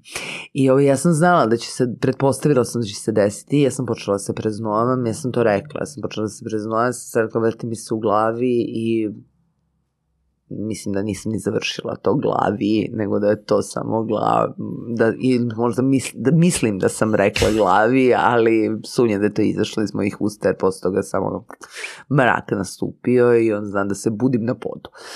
I me, umeđu vremenu su oni meni i izvadili krv, znači kad sam se ona svestila i... Uh, Tad smo probali s nekim lekovima koju sam ja imala nus efekte najstrašnije i mi smo postigli u stvari da ja nemam nikakve nus efekte sa pola terapijske doze tog ozempika. Znači terapijska doza je 1 mililitar, miligram, mm-hmm. kako li se kaže, nije ni bitno uopšte, sa, sa pola te doze ovaj nedeljno. Znači sa 0,5. Znači da se meni samo, znači da ja mogu da jedem sve. Aha. Znači to, to, to su bili testovi, znači onako kao sednem, pa onda leg, sedim na krevetu da, ako se onesvestim da sam namekano, mislim da ne padnem negde. Ništa mi se ne događa, onako uzmem milku, kupim kao odlomim, pojedem kao. Nije mi prijalo to što slatko što sam jela, ovo moram priznati, ali O, zato što sam se odvikla godinama, ne, nisam jela slatkiše i onda se odviknem. Mm. Odvikla sam se od šećera potpuno. Ono. Dok sam pila, ono, pijem čaj bez šećera, kafa, jednostavno u kući nemam šećer. Neko traže šećer i ja trčim u kafić koji je ispod ovaj, komšija, može šećer, može kesicu za dve, na zajem, mislim. Sad sam pre neki dan išla ove, na da zamolinu, ja, jel imate kafu? Daj mi kafu čak u kući zato što je ne pijem. Mislim, ono, imam kesice, ono, nes kafe, koje redovno menjam, ove, ako im istekne rok, proveravam. A to je jedini način da se od nečega trajno odvikneš da ga više nemaš u kući? Pa, to ti je to jedan, jedan, jedan od uslova, ovaj, u, mislim, uspešne abstinencije. Znači, jedan od jedna od prvih stavki ovaj, je eh, mislim, postoje osam pravila izbaciti sav alkohol iz kuće. Znači, da. stan u kome sam ja sada, um, alkohol nikad nije ušao. Zato što možda je nekada od 28. godine ulazio alkohol, ali to je bio tavan.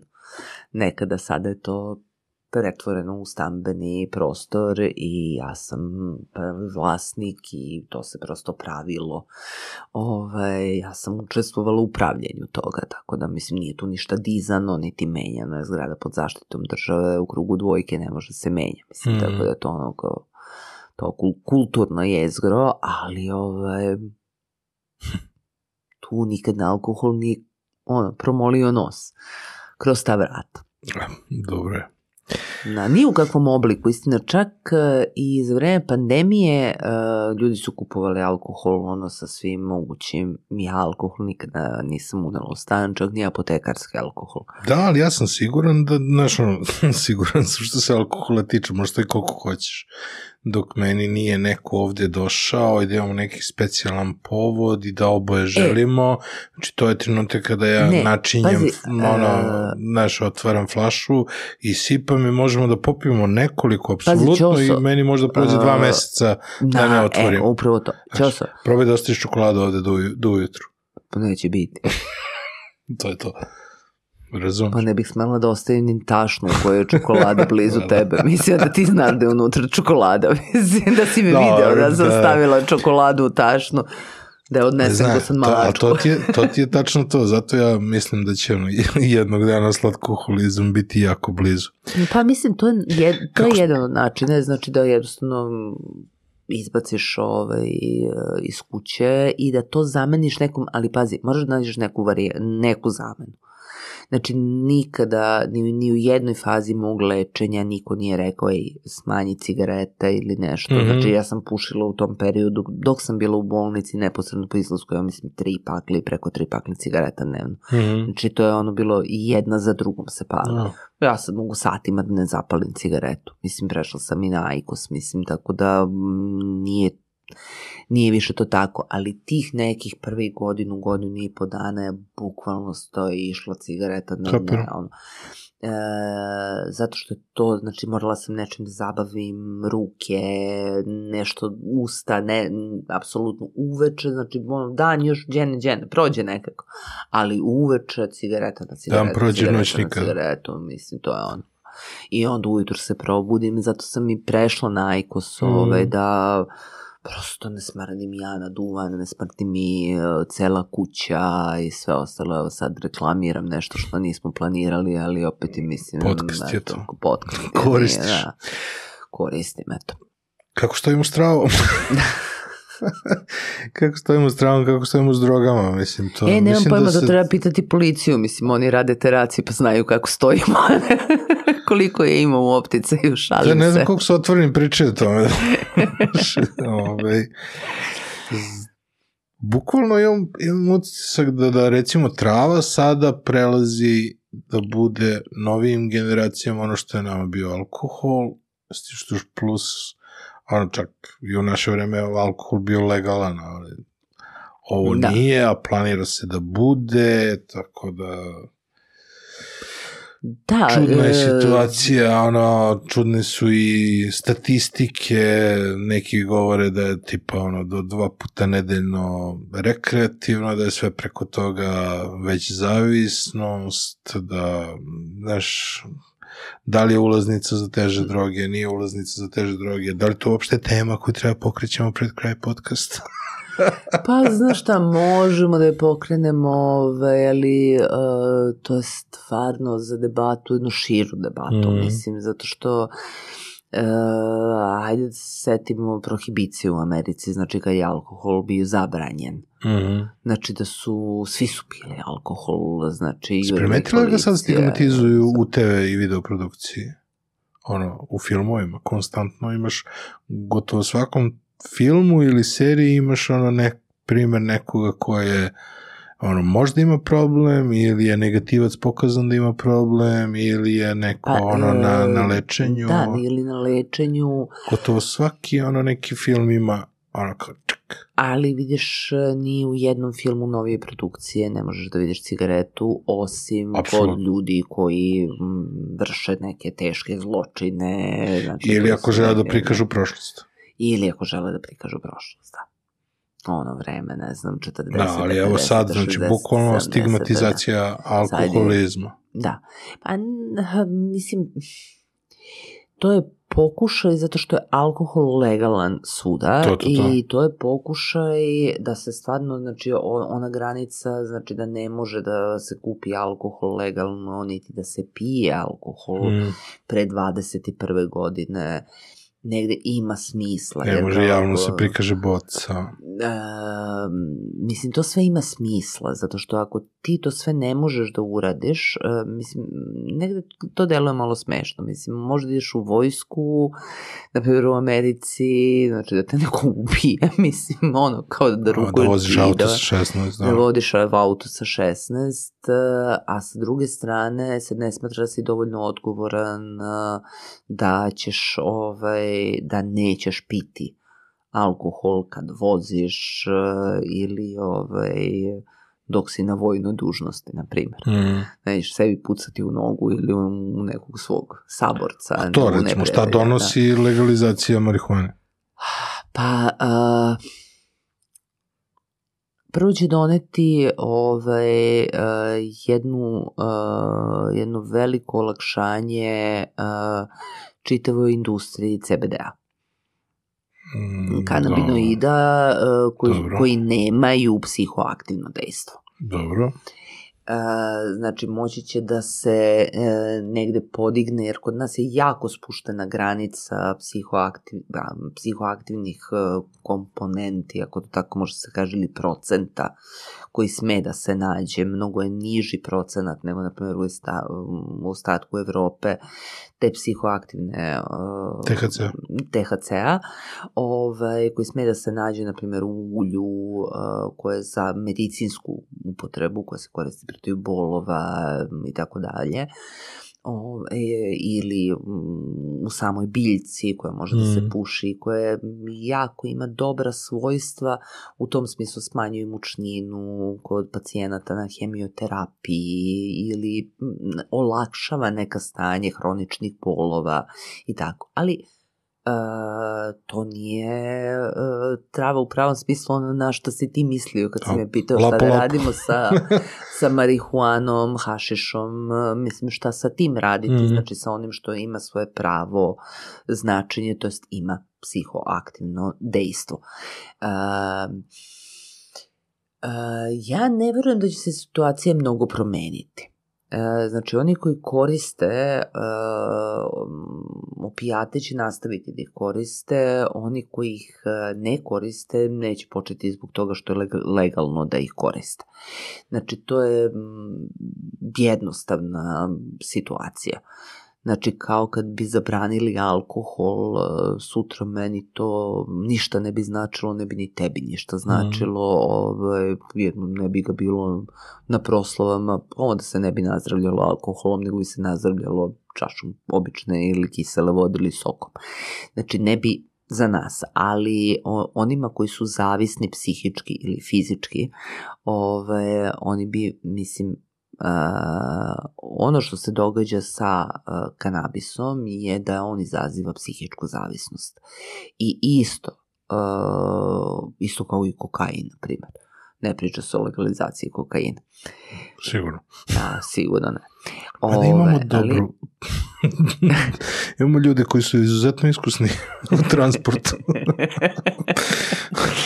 Pazi, transport e, i ovaj, borba za legalizaciju nisu dve iste stvari, mada mogu da budu povezane u jednom trenutku ako bude da, da ekspertiza, da bude ovaj, koliko brzo koja količina može da se dopremi na tržište. Ali u tom trenutku pre, prestaje potreba kada mm, se legalizuje, prestaje potreba u stvari, uvodi se to nekako u tokove. Mm -hmm. I onda država u stvari može da kontroliše uh, koliko se koristi, šta se koristi i da, da u stvari nadgleda i poslodavci negde, u stvari čita sistem, uh, poslodavci moraju da promene uh, um, postoje firme u kojima je nasumično testiranje na alkohol redovno. Stvarno? Da, naravno. U regularnom sistemu? Da, da, da, u mm-hmm. regularnom sistemu, mislim, dobro... Kod nas? Uh, kod nas, kod mm-hmm. nas, i to nisu samo, ne, ono što je uobičajeno, to su firme koje su transportne firme, da, da, da, da. da. gradsko saobraćeno, znači svuda gde su uh, uopšte radnici koji mhm. rade. Mm-hmm u celom sistemu se testiraju, znači nema, znači slučaj nije odabir, znači to je kao lutrija. Mm Znači, može da bude ovaj iz arhive, a može da bude mm, vozač, mislim, ne zna se ovaj, ko će biti, mislim. Naravno, više ljudi koji rade kao vozači, pa će više vozača biti testirano. Ono, ne testiraju se svi, ne testiraju se svakog dana. Uh, sada je promenjena politika, ranije je bilo da ako se otkrije, odmah se šalju na lečenje, imaju podršku ovaj, mm. radne organizacije za lečenje, eh, sada automatski dobijaju otkaz. Mm E, sada je nulta tolerancija. Aha. E, da. Uh, u Holandiji, na primer, uh, znači sa legalizacijom marihuane je došlo do toga da poslodavci postavljaju u svim firmama, postavljaju znači ono pri, prilikom intervjua za posao, vas pitaju da li koristite. Mm. I sada vi kažete koristi marihuanu, ne koristi marihuanu, znači podazumeva se da nećete da lažete zato što pošto je legalizovana oni rade takođe nasumično testiranje. Znači oni vas pitaju, znači u IT kompaniji vas pitaju da li ovaj, pušite ili ne. Znači vi radite na, ne znam, radite na proveri sigurnosti mreža, na primer, mm. i sad treba da održavate, ne znam, neki server zajedno sa još timom ljudi da ste vi ako dođete ovaj, bilo ko, ako se pojavi jedan zaposleni se pojavi je pušio pre marihuanu pre pola sata mislim naravno da on u svom svetu i da on ne da nije fokusiran na posao i ne da ne može da radi nego ne, apsolutno nije sposoban da radi i to se i vidi Mislim, tako da uglavnom ne lažu oko toga i u Holandiji uglavnom sada, ono što ja znam od prijatelja koji žive u Holandiji, da uh, u kafićima je više turista nego holanđana.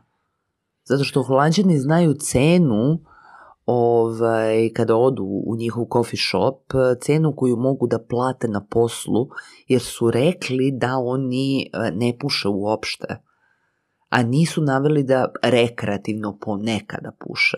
Ali i to rekreativno može da napravi razliku između toga da li ću ja da dobijem posao ili će dobiti posao neko drugi. Aha, aha, Zato što e, prosto e, to je, jeste diskriminacija, to jeste legalno, ali nije zakonski regulisano i firma nema pravo da pita ženu da li će ostati u drugom stanju uskoro ili tako dalje i razna druga pitanja ili da se uda ili mm, da li planira proširenje porodice, drugo dete, treće, peto i tako dalje. A mogu da procene na osnovu određenih drugih pitanja. Upravo to i ovaj, znači to sad sve zavisi kako je intervju vođen. Ispod radara e, koliko... diskriminacija.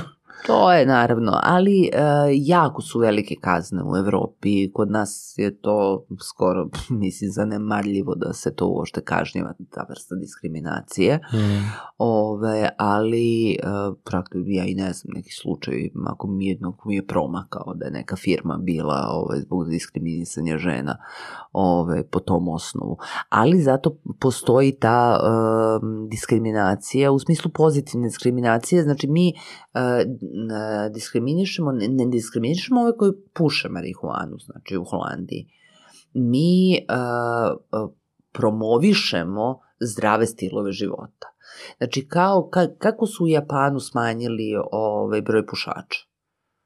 Ne, ne kaznama, nego tako što su nepušači na radnim mestima, oni su izračunali, Japanci efikasni, izračunali su oni tačno uh, koliko vremena pušači. Četiri pauze po 10 da, da, da. minuta, da. I koliko je to dana godišnje i onda ovi nepušači su dobijali to kao slobodne dane. Jednom su masovno ljudi prestajali da puše da bi dobili još pet slobodnih dana u toku mm. godine. Njima su jako bali odmori njima tih pet dana, znači kao što bi nekom našem zaposlenom značilo još jedan pun godišnji odmor. A to je kreativno rešenje.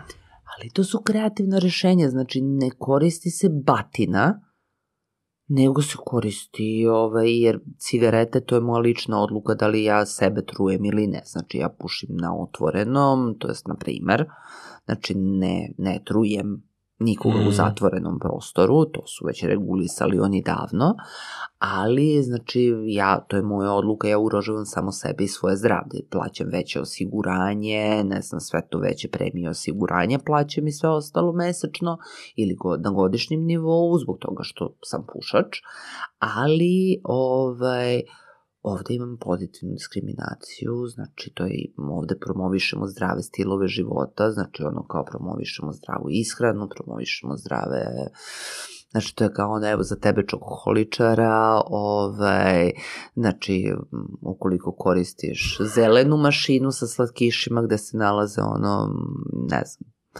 kao, ne znam, sa ovsenim pahuljicama i sa komadićima crne čokolade, na primer, i pojedeš tu taj jedan bar, na primer, a tamo uzmeš onaj sneakers koji si pominjao, a, pa odlaziš tamo, ali odlaziš samo jednom dnevno i uzmeš jedan taj, ti dobiješ onda neki benefit. Pa da, ali to je sistem pozitivne diskriminacije, a ovde bi bio fat shaming, razumeš? ono, i, i pa, sad te da, stvari u e, modernim društvenim, ono, modernim društvenim tokovima pa su jako ja da- zajebane. Pa da, pazi, da, da, ovo je legalno da, i, ovo je legalno i alkohol teško. je legalan ništa sad, mislim, sad treba kažemo da ne Am, treba da diskriminiš, ne, alkoholizam se, ne, e, se diskriminiše izuzetno, mm. naročito ženski alkoholizam, koga se nismo malo ni dotakli, ženski alkoholizam tabu tema, uh, Znači, tome ne smo se priča, mislim, to je za ceo jedan podcast, znači, onako, ali da ne. Puno, da ne. puno tema za još podcasta, da. ovaj, tako ćemo da napravimo definitivno da dolazi žadovnije, ovaj, uh, ali mi se dopada zaključak koji, do kog smo nekako došli, ono, kako bi svet bio super da ima gomila pozitivnih diskriminacija i sve da bude legalno i lepo otvoreno na ljudima da definišu život kako žele. A kako žele, mislim, da, znači da imaju, da, da bude ono pozitiv reinforcement, znači pa? to da. ono nagrađivanje ponašanja i pokazalo se pa u psihologiji se sa životinjama ponašalo, pokazalo da ponašanje koje se nagrađuje, se učvršćuje, ponašanje koje se kažnjava dovodi do toga da se životinje povlači. Da, to je ono šargarepica. Šargarepica. Mm. Štap je tu, šta, štap je u stvari e, ovde šteta koju nanosimo sebi. Mm. Znači da smo svesni benefita, a i da smo svesni ovaj, štete koju nanosimo sebi koristeći određenu vrstu hrane ili određenu ili substancu neku, sve jedno šta koristimo, znači ono kao da li pijemo flaširanu vodu ili ne znam pijemo vodu iz, mislim, mi vrlo do, neće, ko će nas uzeti vodu iz bara, hmm. ukoliko imam opciju da sipam iz česme, na primjer. Naravno. Ili da li ću sipati iz česme ako imam opciju da pijem im iz flaša. Znači da pijem flaširanu izvorsku vodu, na primjer. I da sam sigurna da je ona bakteriološki i hmm. hemijski upravo ono što piše na njoj. Da, da. da. Sve vidim zašto stalno gostuješ i ja hoću da gosteš ovde. A super zato što smo, se ne gasim. Pa da, da, super smo teme otvorili, ali definitivno, plašim se da ovako lepa priča koju smo imali, ovaj, da ne uplaši ljude ono, zbog dužine trajanja, tako da ćemo ovde da stavimo ovaj, zarez. Ovde ćemo da stavimo tačku zarez da, pa i da- nastavak da, u sledećem broju. Nastavit da. ćemo. Da. Nisam ni ovaj- stigla da koristim moju malu ovaj, plavu knjižicu. Ovaj, u Alanu Ford broj 1 imao malu crnu ovaj, bilježnicu, a ja imam plavu. Evo napravit ćemo spisak tema za, za sledeći da. put iz plave knjige. Može tako? Uh, dobro, da, da, dobro, vidjet ćemo, dogovorit ćemo Nismo se. pričali par da. godina, pa sam onako pokušao da napravim ono sve zajedno, da. ali mislim da je bilo okej. Okay. Hvala da. ti. Hvala tebi. Hvala što ste gledali još jednu epizodu, još podcast jedan, Sigurno zovem Anu još koji put, ostavite nam u komentarima šta je ono što bih mogao da je pitam, šta je ono što sam možda propustio da je pitam u ovoj epizodi. Hvala što nas gledate, ostavite nam neki share, like, ako vam se dopalo, preporučite nas prijateljima, naročito onima koji više ne gledaju televiziju. To bi bilo to. Hvala našim sponzorima, Beans Cafe, s kojim sam razgovarao sa Anom i e, Scandinavian Design Center u čijim stolicama smo sedeli. To je bilo to za ovu epizodu. Vidimo se i slušamo sledećeg četvrtka. Ćao, čao. Bye, bye.